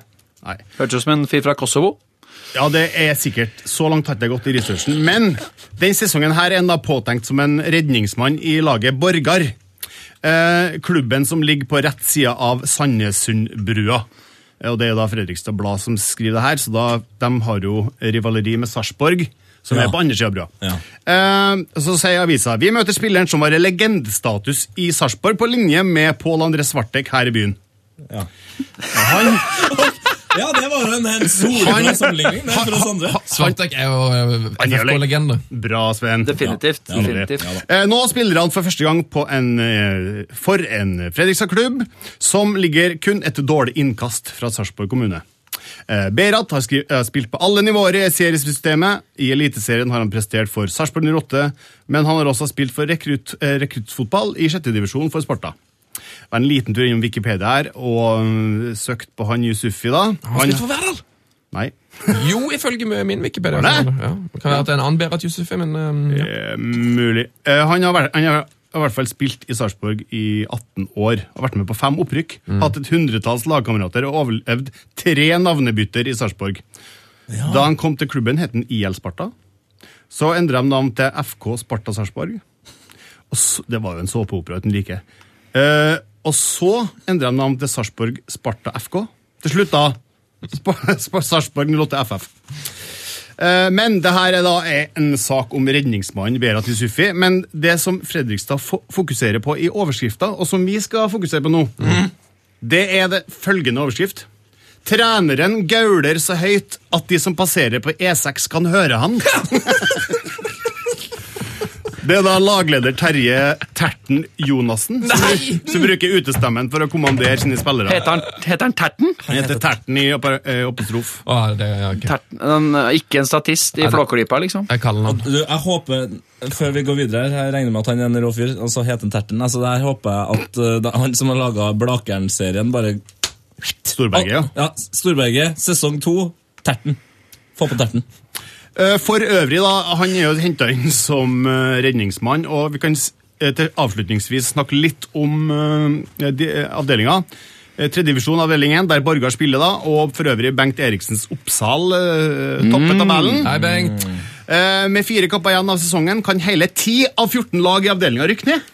Å, dæven. Oi! Det er spesielt mellom Trosvik da, på tredjeplass og Frekstad 2 på tolvteplass skiller det kun sju poeng. Det er jo sånn som den eh, legendariske nigerianske uh, topperen. Ja, ja, den var jo sånn. det Ja, var det var, ett poeng kunne mellom alle alle, sammen. ja, kunne ikke alle laga rykke ned og vinne ligaen? Ja. Ja. Så med tolv poeng å spille for da, kan følgende lag rykke ned. Trosvik, Follo 2, Sarpsborg 08 2, Drøbak Frogn, Østsida, Grorud 2, Borgar, Ås, Skeid 2 og Frekstad 2. Selbakk, de er fortapt. Oh. Dessverre. Stakkars Selbakk. Ja. Ja, det blir spennende. Ja, strålende. Da er vi ferdig. Da var vi kjent med Berat Tilbake til, tilbake til brus. Ok! Steinkjer, Steinkjer, Steinkjer. Det er ingen som vi, som fotballag som vi. Gå nå på, så skal vi sjå. Ingen kan slå. Ja, det var altså en strålende runde med nyheter fra breddefotballen. Eh, har du noe å melde fra breddefotballen, eh, Jonas, som ikke vi fikk nevnt her? Eh, nei, ikke noe annet enn at det går eh, sånn høvelig midt på tre ræva med mitt breddefotballag i femte Ja. divisjon Yes. i Oslo. Eh, Hva, hva går det heter med laget? Hva heter laget? Simensbråten spiller jeg på. Åssen Hvordan går det i fantasy? Football? Det er Nei, du er nei. Fantasy-spiller. Kan vi sette en strek over eh, det temaet? Ja, Går det veldig gjerne. så dårlig? går Altså, det har vært veldig. den definitivt mest absurde sesongstarten Ja. noensinne i fantasy-sammenheng. Altså. Å ja. Eh, jeg er nummer 2 271 631. Ja, Da tipper jeg du ligger lite stykke foran meg, faktisk, for jeg har jo gjort det helt katastrofalt dårlig. Jeg ligger på Jeg ligger på 812. plass, skal jeg si. Jeg, Heia Ja, Fotball, 1000, 1000, 1000, 1000, altså. 800 000. Ja, det er ikke så verst. Det er ikke så verst. Det er ikke så verst. Eh, jeg er nummer 1221 ja, i den her eh, Heia Fotballigaen, sier jeg nå. Ja. Det er ikke spesielt sterkt. Nei, der er vi vel 14 Nei, nesten 1500 nå. Ja, og uh, og da skjønner jo, du tegninga. Ja, og de 100 siste har jo begynt, kommet med så seint at de har jo meldt seg på etter at det var i gang, så de har veldig få poeng. Ikke sant? Og for en fyr som har s- mange plasseringer på topp 1500 og vært eh, nummer 228 i verden, så er det her liksom Ja. Det er sånn eh. Jeg, jeg har googla selvskadingstrender og sånn, for Ja. å liksom se hva jeg kan liksom gjøre for å sprite opp, eh, sprite opp hverdagen. For å komme gjennom det. Altså, Din sesongstart har på en måte vært litt sånn som Chelsea sin. Og det verste er at jeg føler jeg har et OK lag, og så ser, så, så ser jeg på lag som ligger sånn høvelig bra til. da. Ja. Og så har vi liksom sju, åtte, ni av de samme spillerne. Ja. Det er bare, ikke til å fatte. Og så, men det er jo jeg har vært uheldig, eller det er udugelig da egentlig med mm, overgangene denne sesongen. da. Sånn som før forrige runde. Hvem var det jeg mista tålmodigheten med? Sanchez. Selvfølgelig. Du gjorde det. Jeg satt på Bohemen i Oslo sentrum og så den kampen. Oh, fy Og klarte ikke kose meg med Arsenal-seieren. Da tenkte jeg nå har det gått for langt. Det her er for jævlig. Istedenfor å bare kose meg og tenke 5-2 og hurra og kjempestemning, så ble jeg bare mer og mer trist for hvert mål og involvering som Alexis hadde. Ja, men, men det er sånn, det er det der da med liksom, så, Nå har jo endelig han truffet, da, men sånn som Aguero, som man bare ikke tør Ja. å ta av. For eksempel. Ikke sant? Og så er det sånn Mares har vært den besten, og Kolarov er liksom den villesten. Og tror du fader meg ikke nå eh, at Lamela er altså i så kjempeform at jeg tror at hvis du ikke tar på han, liksom, så er Lamela, ja! han er altså i toppform nå! Såpass, ja. Men jeg holder meg generelt eh, unna Tottenham-spillere så langt jeg kan. Da, Og det gjør jeg også. Ja. uh, men men det, det, det bare sier hvor rar den sesongstarten eh, har vært. ja, Det kan du si. Men John det er jo Terry sånn har minus ett poeng. til sammen. Jeg vet det. Altså, det er helt... Han har minus ett poeng. Men Kolarov er et kjempeeksempel. Jeg kjøpte han etter den Palace-kampen hvor han hadde 7, 9, 15, 6 og 9. To nuller siden jeg kjøpte han. Ja. Eh, solgte før Game Week 3. Callum Wilson Det gjorde jeg òg! går bort på Upton Park, skårer hat trick. Trolig irriterende. Altså det, og Aguero har jeg cappa nå i flere anledninger. Ja. ja. Eh, ett og to og to poeng og sånn. Ja, det er trist. Skal vi snakke om noe litt gøyere? Vi vi må ikke gjøre det? Altså, vi må det. La oss gå til ukens Yes! drømmelag! P3s Heia fotball. Heia fotball. Med Tete Lidbom og Sven Biskår Sunde. Oh, yes. Og Jonas. Og Jonas. Ø, Johnsen. Yes, yes, yes. Ja! Ja.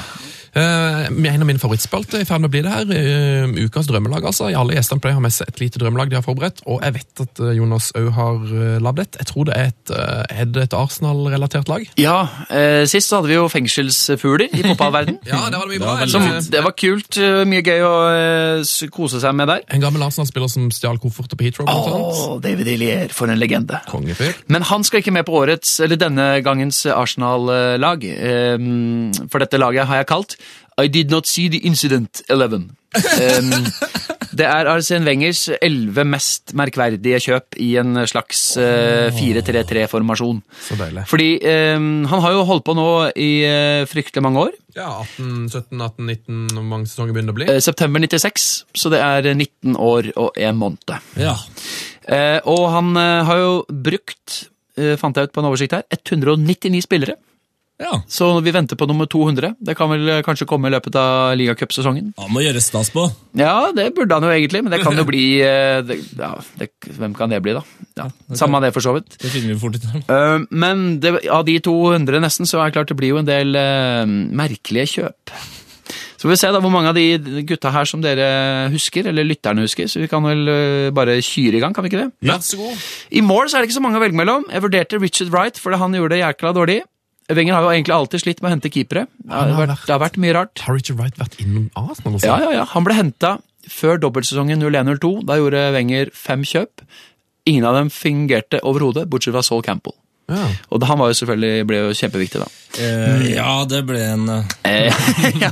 Men også han måtte eh, David Dean, som den gang var eh, admdir og sports, eh, liksom sportsmann i Arsenal, tvinge Wenger til å kjøpe. fordi mm, han kom jo gratis etter at han gikk ut av kontrakten eh, borte hos dere, Tette. Ja. Eh, men han skulle jo ha så jækla mye lønn, vet du. Så Wenger mente at den ikke var verdt det. Så han satte egentlig ned foten, men så sa David Dean eh, hør her nå, han skal vi ha.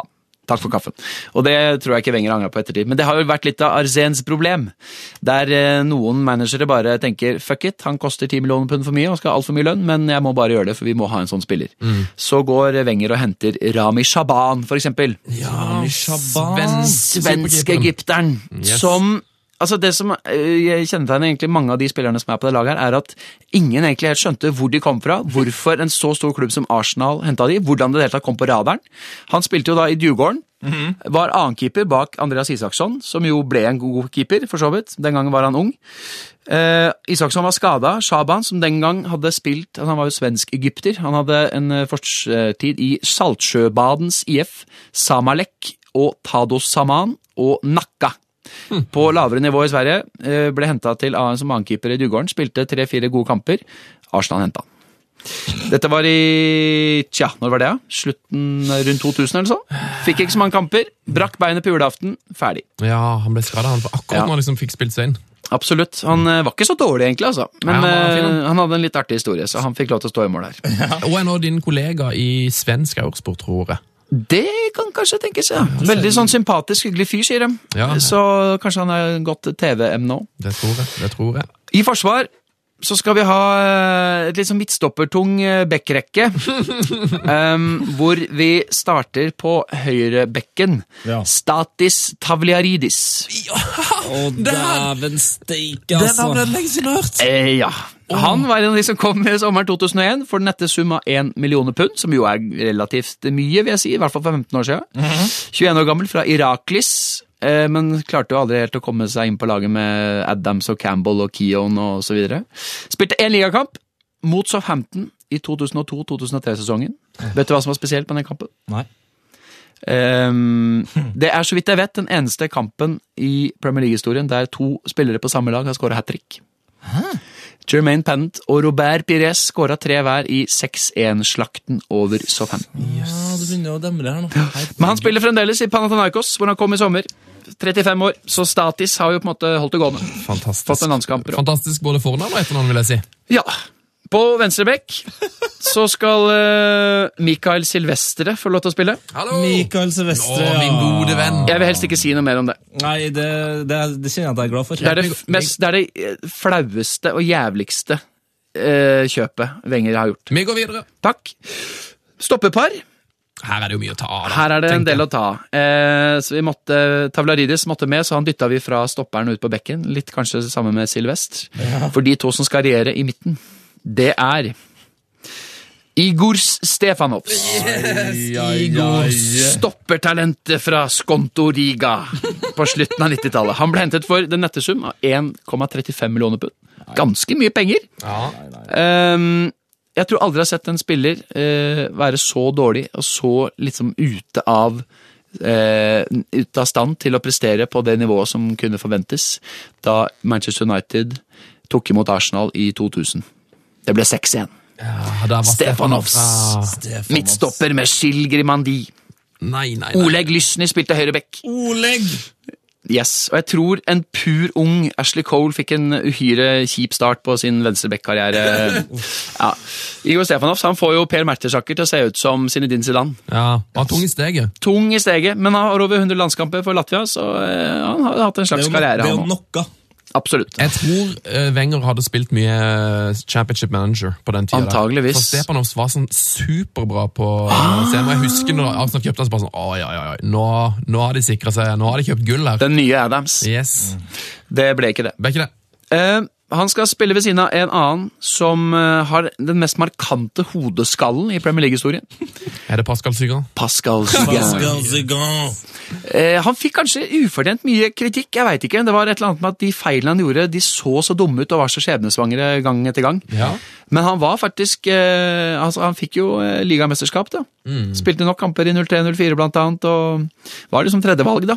Ja, Han var litt uheldig med at han kanskje kom inn etter fryktelig gode spillere. Ja, litt det. Den stoppertradisjonen der var jo eh, knalltøff. Han eh, var fransk og liksom ble henta for en ganske solid sum. Var jo liksom kåra til beste midtstopperen i Lille, eller i Lyga. Da kom Han fra Lille. Ja da. Så alle husker Pascal Sugaud og tenker uff da. Eh, på midtbanen så er det en, eh, en trekløver. Hvor eh, Dette er diskutert faktisk med Kenneth Fredheim, eh, kommentatoren, som jo også er Arsenal-supporter. I går i Trondheim. Ja. Han, hadde ikke, han husket ikke denne fyren her. Amari Bischoff Nei, Nei, det lyder det kjent. Han kom altså til Arsenal så seint som sommeren 2008. Fra Verde Bremen. Ung portugiser. Han var 21 år. Fikk én ligakamp. Borte mot uh, Portsmouth den uh, sesongen der. Og det var sånn type sesong hvor um, Andrea Sjavin Eller den kampen der, da. Andrea Sjavin var kaptein, og Carlos Vela briljerte og sånn. Så det, det sier egentlig ingenting at du var på banen den kampen. Og det var hans eneste. Nå spiller han i Preussen Münster på tredje nivå i Tyskland. Det ble med én sesong. Skadeforfulgt. Uh, ja. Ingen som, igjen sånn Kom ut skadeplaga, hadde knapt nok spilt en kamp på Bremen på mange år. Før det liksom befunnet seg i de lavere divisjoner. Ble aldri noe mer. Nå spiller han altså på nivå tre i Tyskland. Så det er liksom, det er, Du skjønner liksom ikke hvordan den handelen i det hele tatt Hvordan er det mulig, liksom? Eh, men eh, Bischoff, eh, den lekne teknikeren, skal få lov til å flankeres av arbeidsjernet. Eller The Shirt, T-shirt, som han også ble kalt. Junichi Inamoto. Inamoto! Det er så glad! Til og med en Tottenham-supporter ble litt sånn litt gira egentlig når han kom. eh, Men ah. igjen, jeg skjønte egentlig ikke helt hvorfor jeg ble Jeg tror det bare navnet. altså, det er navnet. T-shirt, ja. Ja, T-shirt kom fra Gamba Osaka for en høvelig uh, sum penger, visstnok. Men uh, spilte vel knapt nok en kamp, og var jo tydeligvis uh, ikke god nok. Men så, eh, sommeren 2002, så spilte han jo ganske bra for Japan i VM. Ja da. Så han var jo ikke noe dårlig fotballspiller. Han hadde et par fine mål for full av Mø, husker jeg. Han var vel på lån der. Ja, eh, han eh, eh, fortsatte karrieren litt histopist hist og pist. Eh, Junichu. Men uh, Veldig fin historie der med at han ble kalt for T-shirt. For det var vel det som var greia, var at man trodde han kjøpte han for å tjene penger, rett Ja, og slett. Ja, og det, noen mener jo at, han, at de dro en del penger. Jeg vet ikke. Men uh, uansett. Den siste som skal spille på den midtbanen her, det er Stefan Maltz. Stefan Maltz. Bringer det noen bjeller? Nei, jeg prøver skikkelig. Jeg klarer bare å tenke på Moritz Woltz. Jeg tenker bare på Maltiser, Ja, Moritz Woltz er høyrebekken, som jo eh, egentlig var litt talentfull, faktisk. Stefan Maltz. Stefan Maltz han er sånn fyr, han ligner på en sånn fyr som kunne spilt sånn eh, nazikommandant i eh, en sånn eh, type Inglorious Bastards. Være med akkurat så lenge i filmen som det tar for Brad Pitt å skjære over halsen på den. Ja. Det er sånn eh, klassisk sånn tysk statist. Ja, der har du den, ja. Å, fy Eh, men men et sånn kremeksempel, da. Han ble henta fra 1860 München sommeren 1999. Etter en sesong hvor eh, 1860 München eh, tok ti poeng i Bundesliga. Så, eh, ifølge Wikipedia, i hvert fall. Det har jeg ikke dobbeltsjekka.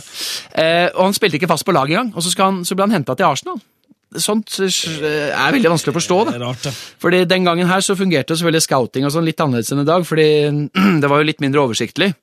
Og Wenger har jo hentet gull i de eh, rareste avkroker, så eh, han har jo tatt noen sjanser opp igjennom. Men Stefan Maltz traff han ikke på. Eh, han spilte noen kamper. Altså, han fyren der, Jeg klarer ikke å google han opp engang. Stefan Maltz. Ja, jeg har funnet den, altså. Ja da. staver du Maltz, da? M-A-L-Z. Han spilte og skårte i debuten, husker jeg. Eh, I en eh, sånn redigert opptaks-FA Cup-kamp, tror jeg, som gikk på NRK i gamle dager. Mot Preston. David Moyes var trener. Å, jeg, ser, jeg ser han har på seg den herlige Dreamcast-drakta. Ja da, ja da. Så han eh, fikk noen, jeg tror han fikk eh, nesten nok kamper til å bli seriemester, til og med. 01-02. Litt usikker. Aldri hørt om fyren før. Nei, der ser du. Fantastisk. På topp så skal vi ha eh, en trekløver som eh, fikk noen kamper på Arsenal, Ja. men de har null mål til sammen. Oi. Først skal vi ha Kaba Diawara. Yes! Kaba, ja. Kaba. Ja, ja, ja, ja, ja. Han eh, husker vi kanskje, eller? Eh, Det er noe, der er jo bare noe sånt, Jeg tror kanskje han har spilt i Bordeaux, og at jeg hadde han på Det- Football Manager, men jeg tror aldri mm, Det er kan korrekt. Ikke, kan ikke huske å ha sett han spille fra Arsenal. Litt sånn. Emil Heskey-type spiller. Ja. Et beist av en type, og uhyre sterk. Så ligner Eh, han er vel egentlig fra Guinea. Sånn Ja. klasse sånn uh, plugg. Han ligner litt Kom på til Arsenal i 98-99, tror jeg. Mm. Og spilte tolv kamper. Eh, og jeg husker godt at han kom inn mot Leeds borte i mai 99. Vi kriga mot Manchester United om å holde eh, inn tronen som eh, Premier League-vinner. Jimmy Floyd Hasselbank, røveren, skåra. Var 1-0 til Leeds. Arsenal hadde godt over 20 skudd på mål. Kaba Diawara brant de to feiteste sjansene. Siden så blei det aldri noe mer. Klassisk Så han, eh, han fikk 12 kamper, skåra 0. Gikk videre til Marseille, 15 kamper, skåra 0. Paris Saint-Germain, 14 kamper, skåra 0. Blackburn Lovers på lån, 5 kamper, skåra 0. Så til Westham på lån, 11 kamper, skåra 0. Det var ikke, en Eh, veldig, var ikke en veldig imponerende statistikk for Diawara.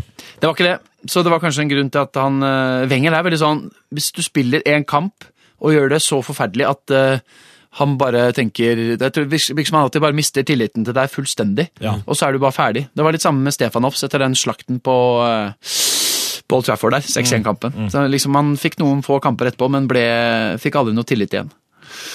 Uff. Sånn er det. Så skal vi til eh, spiss nummer to. Thomas Danilevicius. Nei, nå kødder du med meg. Dette navnet har jeg aldri hørt om. Har du aldri hørt om det før? Thomas Danilic- Danilevicius. Eh, en, eh, vi skal til eh, Litauen denne gangen. En fyr som kom til Arsenal i 2000, han også. Ja, mye rart rundt den tida der, altså. Skå, spilte tre kamper, null skåringer. Jeg, tenker, jeg vet egentlig ikke så veldig mye mer om han. Sitter liksom og føler at uh, Wenger bare kjøpte per, altså, Litt sånn at han Å ja, han hadde et veldig fint navn. Han må sikkert være god til å spille, ja, han, fotball. han er god på navn, eh, Wenger. Ja, men uh, det går lenger og lenger mellom disse her uh, geniale hentene fra ingensteds. Ja. Fordi han her også er en sånn fyr som ingen hadde hørt om en. Ingen andre storklubber ville ha han. Arsenal plutselig. Han kom fra Lausanne i Sveits. Ja. En litauer eh, som den gang eh, ikke hadde landskamper. Det ble litt sånn Ja, En eh, svær type. Tanksenter. Han tenkte kanskje at han ville ha et alternativ, da. Jeg vet ikke. Men det her var da fyren som kom inn for å erstatte Davor Suker. Eh, blytungt.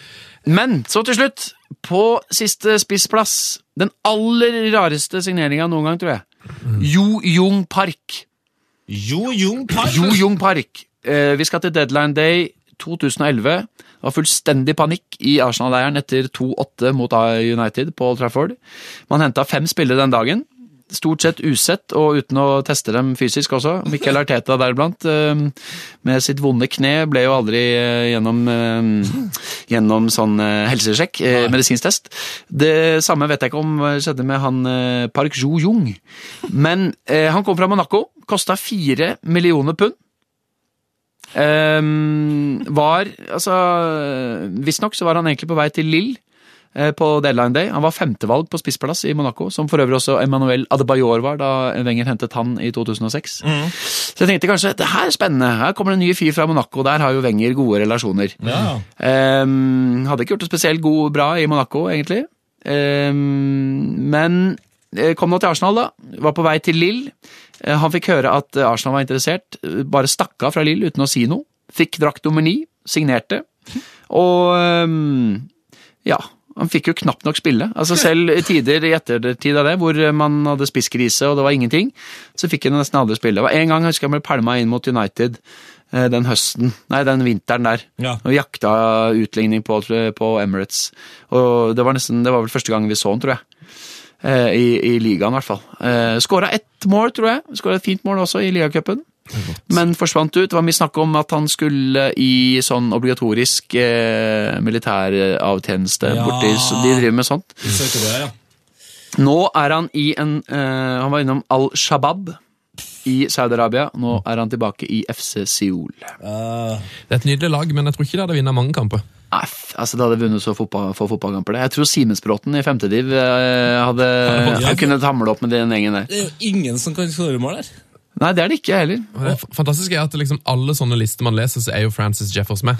Men til og med Francis Jeffers nådde ikke opp til dette laget. Nei, og, og, og det som er utrolig fint med det laget her, at det passer egentlig veldig godt eh, som et slags uh, sånn frampek til, til min helt nye spalte. Ja! Herregud! Ja. Vi har en ny spalte. Så Skal vi hoppe ut i det? vi Gjerne går det. til min nye spalte. Ok.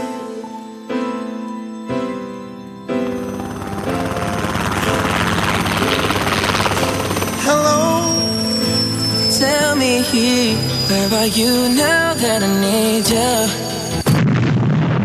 Hvor er du? Altså, det er akkurat som du har påpekt her nå, det er spillere som kommer til klubber som tenker dæven, nå skjer det. Nå! Nå blir det liksom Og da altså bare forsvinner de.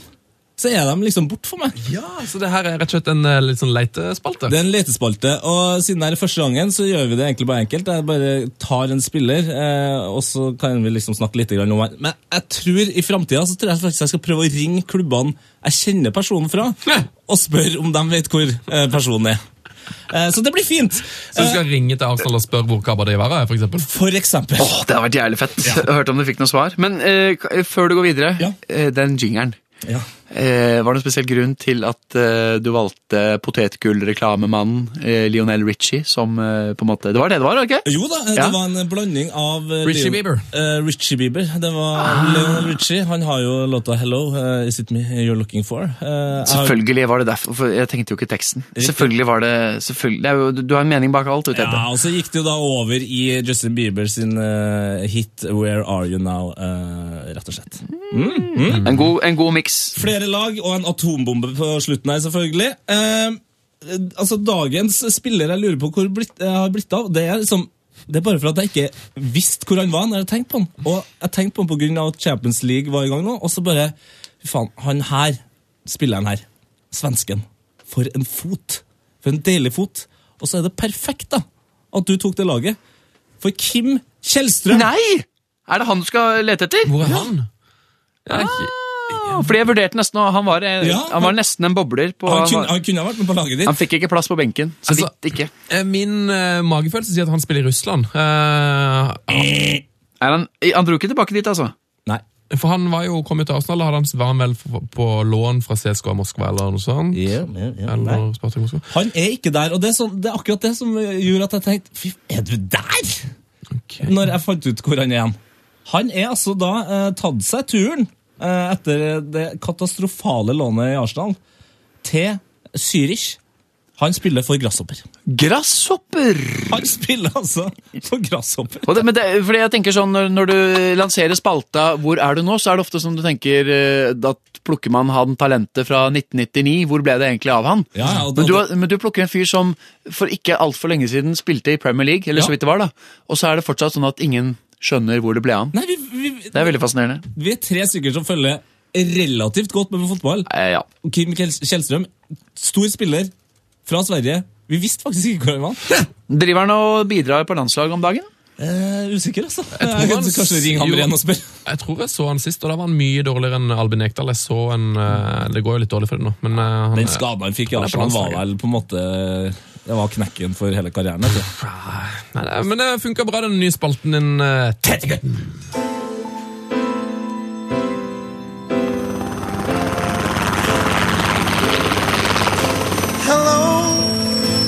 Tell me, where are you now that I need you? Hello, hello, da tar vi litt uh, nyheter. Uh, det har skjedd mye. Uh, veldig, veldig mye denne uka her. Begynner med Viktor Anichebe-nyheten. Har du hørt den, eh, Jonas? Nei! Var det her, eh, Sven, du, du luska inn på kontoret mitt for å fortelle det her? og har kost meg veldig med denne saken her. For to dager siden så var, ute, var han ute på Twitter, Victor Anichebe, West Brom-spissen, og ranta litt. eh, For han hadde nemlig vært eh, på et hotell i England, eh, og der hadde han dumpa borti skuespillerne Kit Harrington og Rose Leslie. Eh, De er kanskje mest kjent fra TV-serien Game of Thrones. Ja. Det Nå kommer en, kommer en liten spoiler her, kan si det, så dere som liksom ikke har sett ferdig Game of Thrones, bør kanskje bare spole ett minutt fram. Ikke se det. Jeg har sett første episode. Dritkjedelig. Ikke sant? Mener du det? Ja, jeg mener. Uansett, Kit Harrington det er han som spiller Jon Snow. Eh, Victor Skjebe, stor fan, går bort til til Jon Snow. Hei, kan jeg få ta et bilde? Kit Harrington, aka Jon Snow, sier bare. Nei! Og da, da blir Anne Kjebe forbanna og går ut på Twitter og sier jeg syns det er en skam at de sa nei til meg. Jeg ville aldri sagt nei til en fan. Uten fans er vi ingenting. Og så kommer det en spoiler, da. eh, For det her er det, det deilige med hele ranten til Victor Anne Kjebe. Han går ut og sier jeg håper Jon Snow er død på ordentlig nå. Nei! Jeg håper han er død. Han hadde egentlig håpet at han skulle kanskje gjenoppstå i neste eh, sesong. Yes. Det er beina fra han i kjøpet. Eh, Men en annen spoiler. Det er vel, han er observert eh, i den byen hvor de spiller inn, da, i Irland. Ja, men det kan være tilbakeblikk. Surt. Ja, jo, ja, det kan det være, det kan det være, det Det kan kan, det være. være surt for Anders Skjebbe. da, hvis han nok... Fy fader. Nei, jeg heier på Anders Skjebbe, for jeg er jo ikke, så, jeg er ikke en troner som dere to. åpenbart. Messi er skada. Har han vært det før? Er det første Ja, gang? det- eller han var jo det for uh, Jeg tror jeg leste at det var den første store skaden på tolv år. Ja, men han var jo litt bort eh, høsten for uh, to år siden. Jo, men det tror jeg var sånn ei uke med en liten hoven ankel eller noe. Ja, han var bort lenger enn en uke. Men ja, jeg skjønner hva du mener. Altså, det her var her er en- et slag for fotball. Han har aldri vært så god som han var nå. Mener du det? Jeg, ja, jeg vet ikke. Jeg, jeg syns det er vanskelig å sammenligne de her årgangene Ja. Messi og årgangene Ronaldo. Ja. Ja, det, det, er for, det er for så vidt et godt poeng, men det er bare at eh, Eller kanskje mer at laget virker som de trenger en mer. ja, kanskje det. Eh, for, for, altså, det er et fantastisk lag. Men midtbanen har liksom, Han har på en måte tatt over det òg. Han er liksom både midtbane og spiss og egentlig alt. Men det er jo noe av det jeg syns er mest fascinerende med de to fenomenene Ronaldo og Messi, som vi nok eh, skal slite med å gjenoppleve på, eh, på en stund, er det der at de spiller 90 minutter hver kamp, vil aldri stå over. Selv en sånn spansk uh, cupmatch mot eh, et Segunda Division-lag spiller. Det er, he det er helt Aldri skada. Jeg syns det er helt fascinerende. ass. Ehm, vi må rett og slett bare nesten videre til dette. men Vi har begynt å få fryktelig dårlig tid. men ja, Da, kan vi bare, da kan vi egentlig bare gå inn i skitterakkerkid, da. Ja, det Ja, for da, da kan vi jo snakke om ting vi ikke rakk. er en veldig god idé.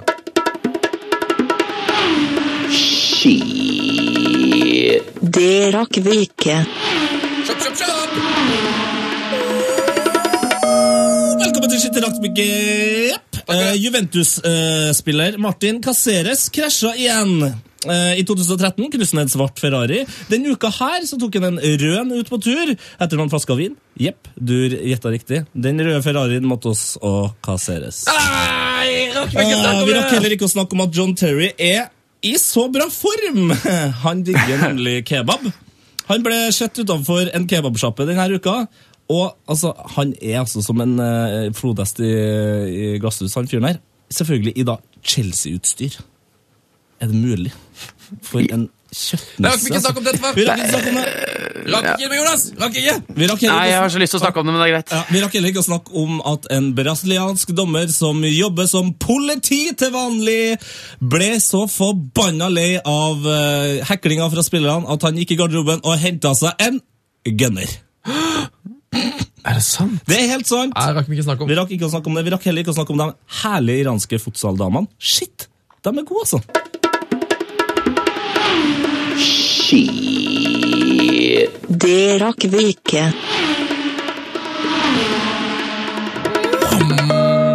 Skal jeg forklare der hvorfor jeg stresser så fryktelig. Det er det at Jonas sitt studio er eh, rett og slett booka vekk til noen andre om sju minutter. Så det som vi kommer til å gjøre nå, vi kommer til å gå til post og brevet, og så kommer vi tilbake med Jonas og Glory Hall etterpå, så fikser jeg alt dette her i klippen. Er ikke det en ganske god idé? Ja, Tete? det er så tar vi det noen postebrev post og brev med lytterne, Det er lurt. og så får Jonas lov til å være med i vår Glory Hall.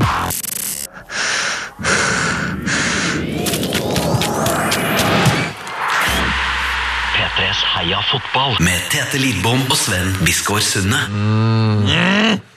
Ja, eh, Liten pause fra Jonas, og jeg lovte at nå skulle vi til postbrevet. brevet, Ja. men det var jo fordi jeg hadde ikke tenkt på at vi skal jo ha quiz. også. Vi har, det er lenge siden vi har trekka quizvinner, Tete. Det er to, eh, to ganger på rad at vi har glemt det. Ja, Vi har surra så mye. ja, jeg var ikke dra meg ned i den dritten her. Jeg var ikke på podden sist uke. Nei, men uka før der så glemte vi det òg. Ok, da, det kan jeg ta. Og da var det um, riktig svar i vår Gjett karrieren-quiz var Christian Karambø. Karambø. Det var veldig mange som klarte det. Har Kan du trekke en vinner til oss? Det kan jeg da vel for eksempel gjøre. Og så den uka her, hvem var det da? Jeg tror det var Netchef Lars som hadde lagd en aktuell, ganske vanskelig en. Eh, En spiller som har spilt i ganske mange små klubber. Ja. Men han er veldig kjent uh, for det han gjorde utenfor banen. Ok, men eh, først da, Kristian Karambø-vinner er Morten Dale. Morten Dale, gratulerer! Du får en Heia Fotball-T-skjorte i posten. Hvis du hører det her før jeg rekker å sende deg en mail, gi meg størrelsen din og adressen. Det må alle huske på! Gjør det, da! Hvem vant ukas quiz?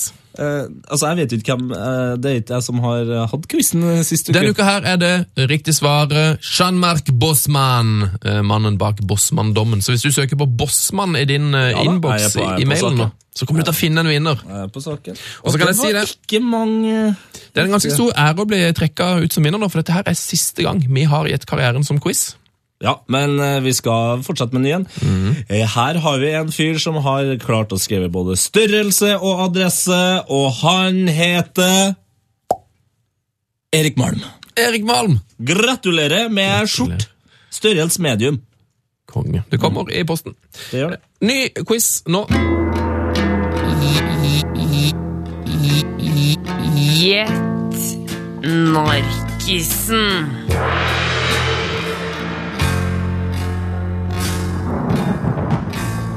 Gjett narkisen.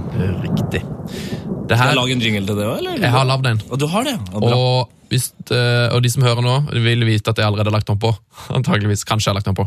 Kanskje jeg ikke har lagt den på. Okay. Hvem, vet. Men eh, vi skal spille Gjett eh, narkisen. Det er ganske enkelt og greit. Vi har trekka ut stemmen på en kjent fotballspiller, sånn at han har blitt litt forandra. Han har fått en såkalt narkisstemme. Hva er det du driver med, Sven? Du kan høre stemmen, Tette. Jeg tror du kommer til å slite med å vite hvem det er. Yeah, very emotional. Every people, every fan of Manchester. Uh, yes, it- it's emotional. No? Hvem er dette? Det er spørsmålet du må svare på. Send inn ditt svar med eh, e-postadressen vår, eh, heiafotballkrøllalfa.nrk.no, så kan du vinne en T-skjorte. Ja, Det er veldig artig at det hørtes ut som en eh, spiller eller da narkis som feira sitt siste skudd. You are very emotional Sitt siste skudd! Ja, ja, jeg, jeg, Le, da! jeg, jeg, jeg humrer. Le! Mandalslatter. Le! Sitt siste skudd. Takk skal du ha. Vi kan høre klippet en siste gang. Eh, hvem er dette? Yeah, very emotional. Every people, every fan of Manchester. Uh, yes, it- it's emotional. No? Det er faktisk morsomt. morsomt hver gang. Det blir gøyere og gøyere for hver gang du hører det. Så altså, hvem er dette? Send litt svar med heiafotballkrøllalfa. Jeg vet faktisk ikke nrk.no. Nei, det er vanskelig. Det er vanskelig. Nå skal vi til post og brev. Breive! Post og breve, post og breve, post og breve. Post og breve, vi har fått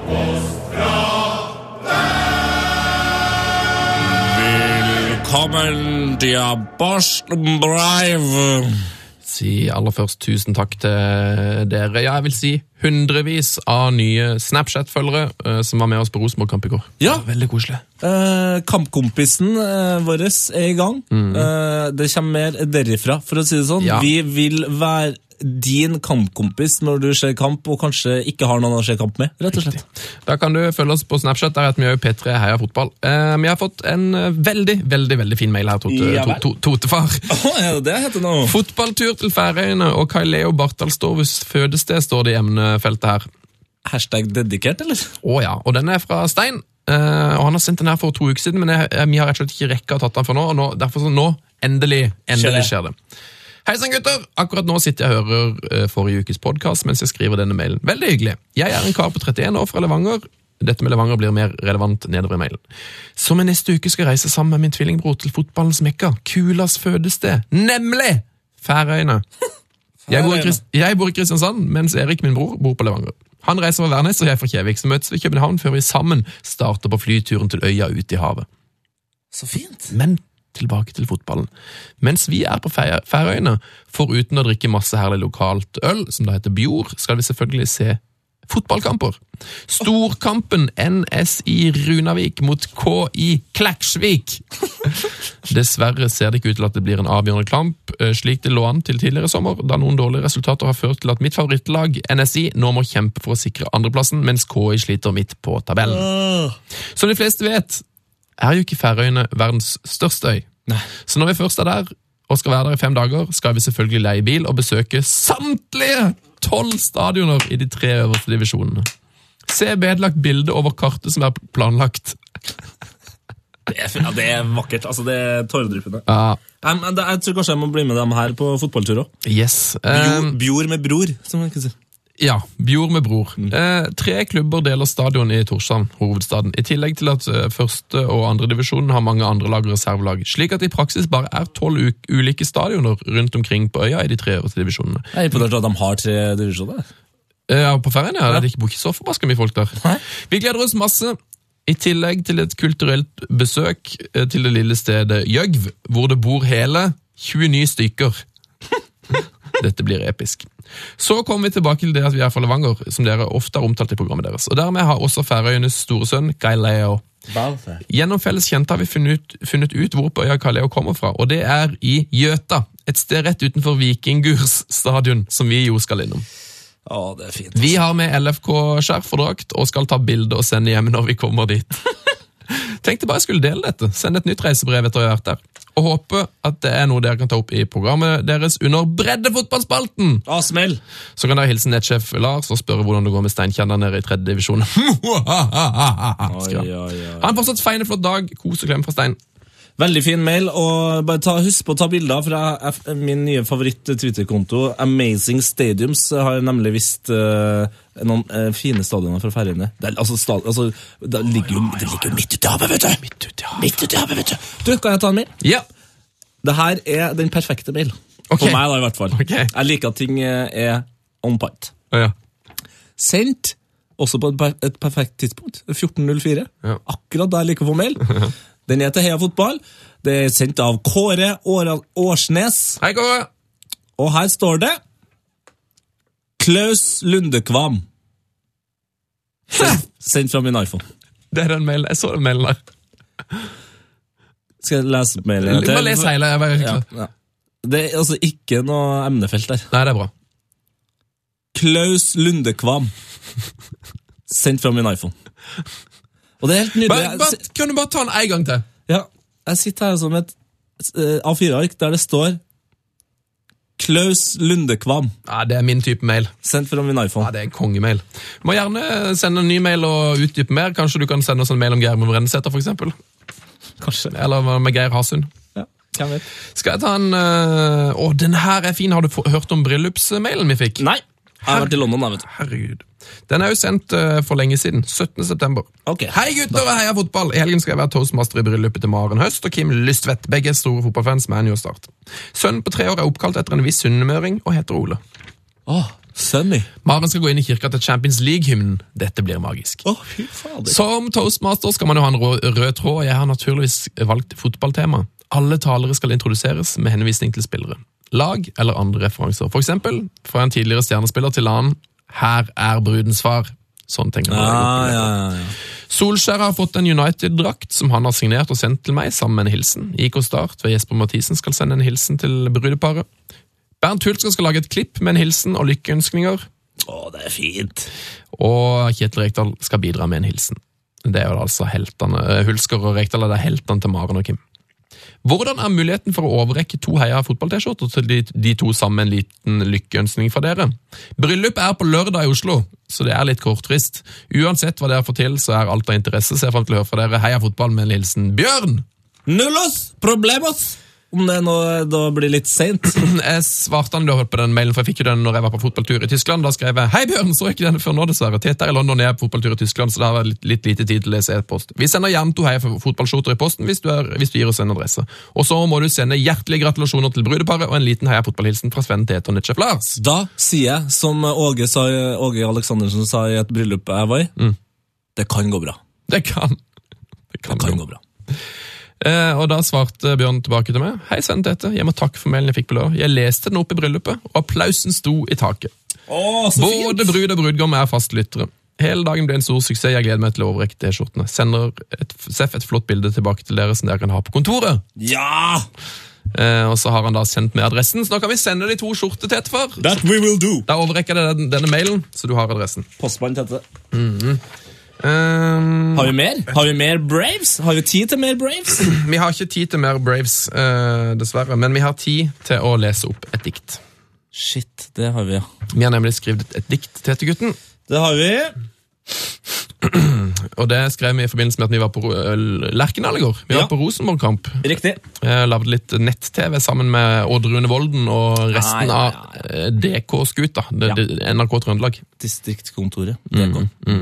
Ja, Der fant vi ut at vi måtte skrive et dikt, eh, nå som uh, høstkampene uh, i Flomlys endelig er tilbake på Lerkendal. Yes. Eh, og det ble overraskende godt eh, tatt imot. Ja, Du kan finne brevet det, diktet. Det ligger ute på internett. Hvis du bare søker på Heia fotballdikt, så tror jeg du finner det. Eh, men dette her diktet sendte du til meg på, på e-post, sånn at jeg kunne ha det og printe det ut og lese det opp. Ja, Derfor tenkte jeg, kan du ta det med post og brevet?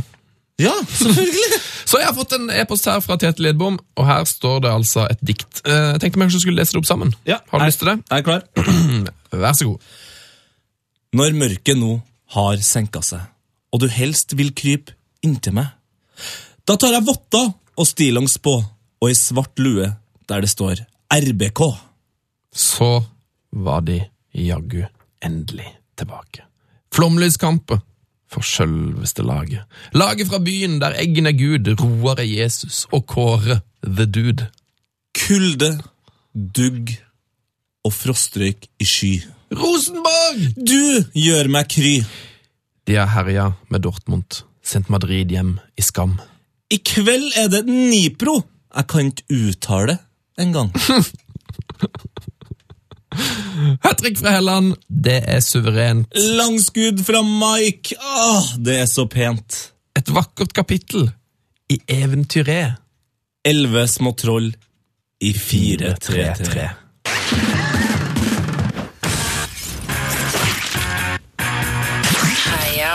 Fotballs glory hall. I'm gonna blow my load in the glory hole. Hva heter den sangen for noe? Uh, den heter Glory Hole. Den Og er laga av? Steel Panther. Gå inn på YouTube og sjekk videoen, da får du se. Men det er en utrolig gøy låt. Riktig. Uh, husker du hvem du ville ha hatt inn i Glory Hole sist du var her, uh, Jonas? Nei, hvem var det jeg landa på da? Jeg husker ikke heller. Jeg husker ikke. Shit, har, du noen, Jeg husker at jeg ikke hadde forberedt det. har du noen, fotball, har du noen favorittspillere for tida? Du så for eksempel Rosenborg i går. Ja, eh, Favorittspilleren min akkurat nå er at eh, Nå ser jeg at Mike Jensen skal opereres for blindtarmsbetennelse i dag. Nei. I går kveld spilte han kamp for Rosenborg. Oi! Det er ganske imponerende. Det, han fyren der Og så er Jonas Svensson inne i landslagstroppen. Ja. Høgli ut. Det spurte vi om i går. Vi jubler ikke for Høgli. Nei, nei, men jeg jubler jo for at Jonas Svensson endelig er i Ja, landslagstroppen. Ja, ja, Det er det mange som mener at han burde for lenge siden. Ja. Så det spørsmålet da er jo eh, Da tar jo han inn en høyrebekk, da, og Høgli har på en måte operert som venstrebekk, så han, eh, da blir det vel kanskje Alesami, da, eller Linnes av venstrebekk. Mens Jonas skal utfordre Omar El Abdelawi, som gjorde en god kamp mot uh, Alexis sist gang. Så du er hypp på, du hypp på backa for tida? Jeg er veldig, ble, ble opptatt av bekker her nå. Men favorittspilleren min om dagen, det er Tja. Tja. Nei. Nei, jeg har egentlig ingen om dagen. Jeg er litt sånn Er deprimert. jeg. Er Husk at det, det, her- spilles inn tre dager etter at Arsenal har spilt eh, 2-3 mot Olympiakos. Ja, det er Så det er, ikke noe, det er ikke noe tidspunkt å ha noe favoritt på noe som helst vis. Kan jeg nevne at Våre favoritter eh, er jo allerede hylla, mange av de, eh, og jeg må bare nevne at i vår Glory Hall ja, der finner man Gabriel Battigol. Battigol. Erik Cantona, Erik Cantona er omsider kommet inn. Uh, Sigurd Rushfeldt, det her. Ja, Dette er, ga, Pirlo er ikke dette er jo gamle, deilige helter. det. Ja. Pirlo er ikke der. Pirlo er ikke der. Det er helt Det utrolig. er helt sjukt. Kanskje Pirlo kommer med i dag, hvem vet. Eh, Det er din tur til hylle, er det ikke det, Tetvar? Åh! Kjem, kjem, til London, nei, kjem fra London med, med litt sånn lyrikk i, i kroppen. Også. vet Jeg har vært på Er- teater. Er du klar? Ja. Ok. Ordet er ditt. Dagens gloryholder er spesiell. Ikke sånn 'oi, se hvor mange overstegsfinter jeg kan ta', spesiell. Eller 'shit, for en fysikk', spesiell. Dagens helt er spesiale. På ekte. Andy ble født i Roma en maidag 1979. Ikke særlig spesielt, sier du? Wait for it. Eller attendere che, som han ville ha sagt. Andrea har nemlig en enestående karriere. Han har spilt for 17 klubber. 17. Blant dem herlige navn som Latina, Tivoli, Grosseto og Anzio Lavino. Og i mer kjente klubber som Verona, Padova, Sassolo. Nå spiller han for La Fiorita. Men det er på landslaget han virkelig har skilt seg ut. For han er nok den landslagstoppskåreren i verden med færrest mål. Åtte fulltreffere på 71 kamper. Oh! Mestskårende for landet sitt med åtte mål! Åtte mål. Det er litt spesielt, er ikke? Det er vakkert. Ekstremt spesielt. Ja, Men det som virkelig gjør Andrea Andy Selva til en skikkelig spesiell spiller, jo, det er at han er den eneste mannen som har skåra et vinnermål for San. Marino! For i 2004 kom Lilleputtlandets til nå eneste seier over et annet småguttelag, vel å merke, Liechtenstein. Men de vant. Den eneste seieren på 131 kamper. 1-0. Andrea Andy Selva 1, Lichstein 0. Nå 1, 39, og spiller fortsatt for San Marino. Kanskje han får flere mål. Kanskje ikke. Og altså, når vi bare er inn på altså, San Marino Jeg er blitt skikkelig glad i San Marino. Ja, det Etter er å ha søkt opp på den eh, nydelige spilleren her. et idiotisk lag. Altså, det fins altså bare tre kamper der San Marino har eh, holdt nullen. Tre kamper. Og det er bare én annen spiller som har skåra mer enn eh, enn ett mål for San Marino. Det er da Manuel Marani.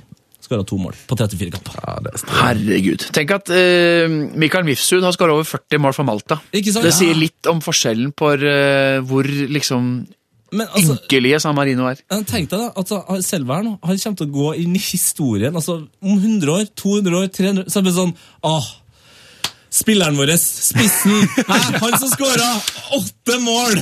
Hæ? Ja, det er Jeg håper han kommer seg over tid. Jeg håper virkelig han kommer seg over tid. Ja, la oss håpe det. Mm.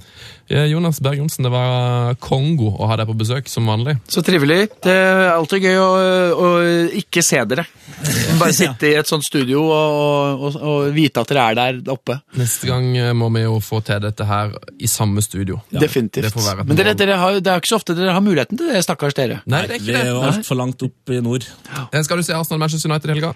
Det er vel en viss fare for det. Men du, det er en ting vi ikke fikk snakket om veldig ofte når man blir invitert med på ting. Ja. Så er det jo for å snakke om liksom det man lanserer, og man Ja. har en bok eller et nytt TV-show eller sånn. lanserer du noe? Ja, vi, lan- vi har jo nå i eh, to ligarunder eh, kjørt eh, Bundesliga-studio Oi, du har 50 på sekunder på det. Eurosport Norge. Ja, Eh, jeg og faktisk din eh, eh, bror, eh, Eivind, er jo vår ekspert. Det er veldig liten rar verden, dette her. Ja. Like greit vi ikke snakker om det, kanskje. Nei, det her, for nå, nå blir jeg regna bil, så nå kan ikke jeg snakke om det. Nei, ikke sant, ikke sant. Men det er veldig kult i hvert fall å få uh, dyrke tysk fotball litt. Og på søndag så er det en helt fantastisk oh, ja. rekke med kamper. Det er tøff konkurranse da med Everton, Liverpool og uh, United, Arsenal. Og Brann, eh, Brann Og massevis. Og Atletico, Barca, og det er ikke måte på. Men vi spiller Vi viser Schalke Köln Oh. og Bayern Dortmund. Oh, Indrefilet. Ja. Indrefilet. Og så får vi håpe det blir entrecôte òg, med, med Premier League utover, utover, utover dagen. Du, har- du har seks sekunder på deg. Hvordan eh, ender Manchester United Arsenal? Hva blir resultatet? Eh, 3-3. 3-3. Heia fotball! Ha det, gutter! Frank de Boer speelt de bal. Heel goed naar Dennis Bergkamp. Dennis Bergkamp. Dennis Bergkamp neemt de bal aan. Dennis Bergkamp. Dennis Bergkamp. Dennis Bergkamp. Dennis Bergkamp. Dennis Bergkamp. Oh! Frank de Boer speelt de bal naar Dennis Bergkamp. Die neemt de bal feilloos aan. En ik schiet de bal erin. We spelen nog officieel 20 seconden. Dennis Bergkamp. P3s Heia fotball. Ny episode hver fredag. Last ned din nye favorittpodkast på p3.no. Podkast. P3.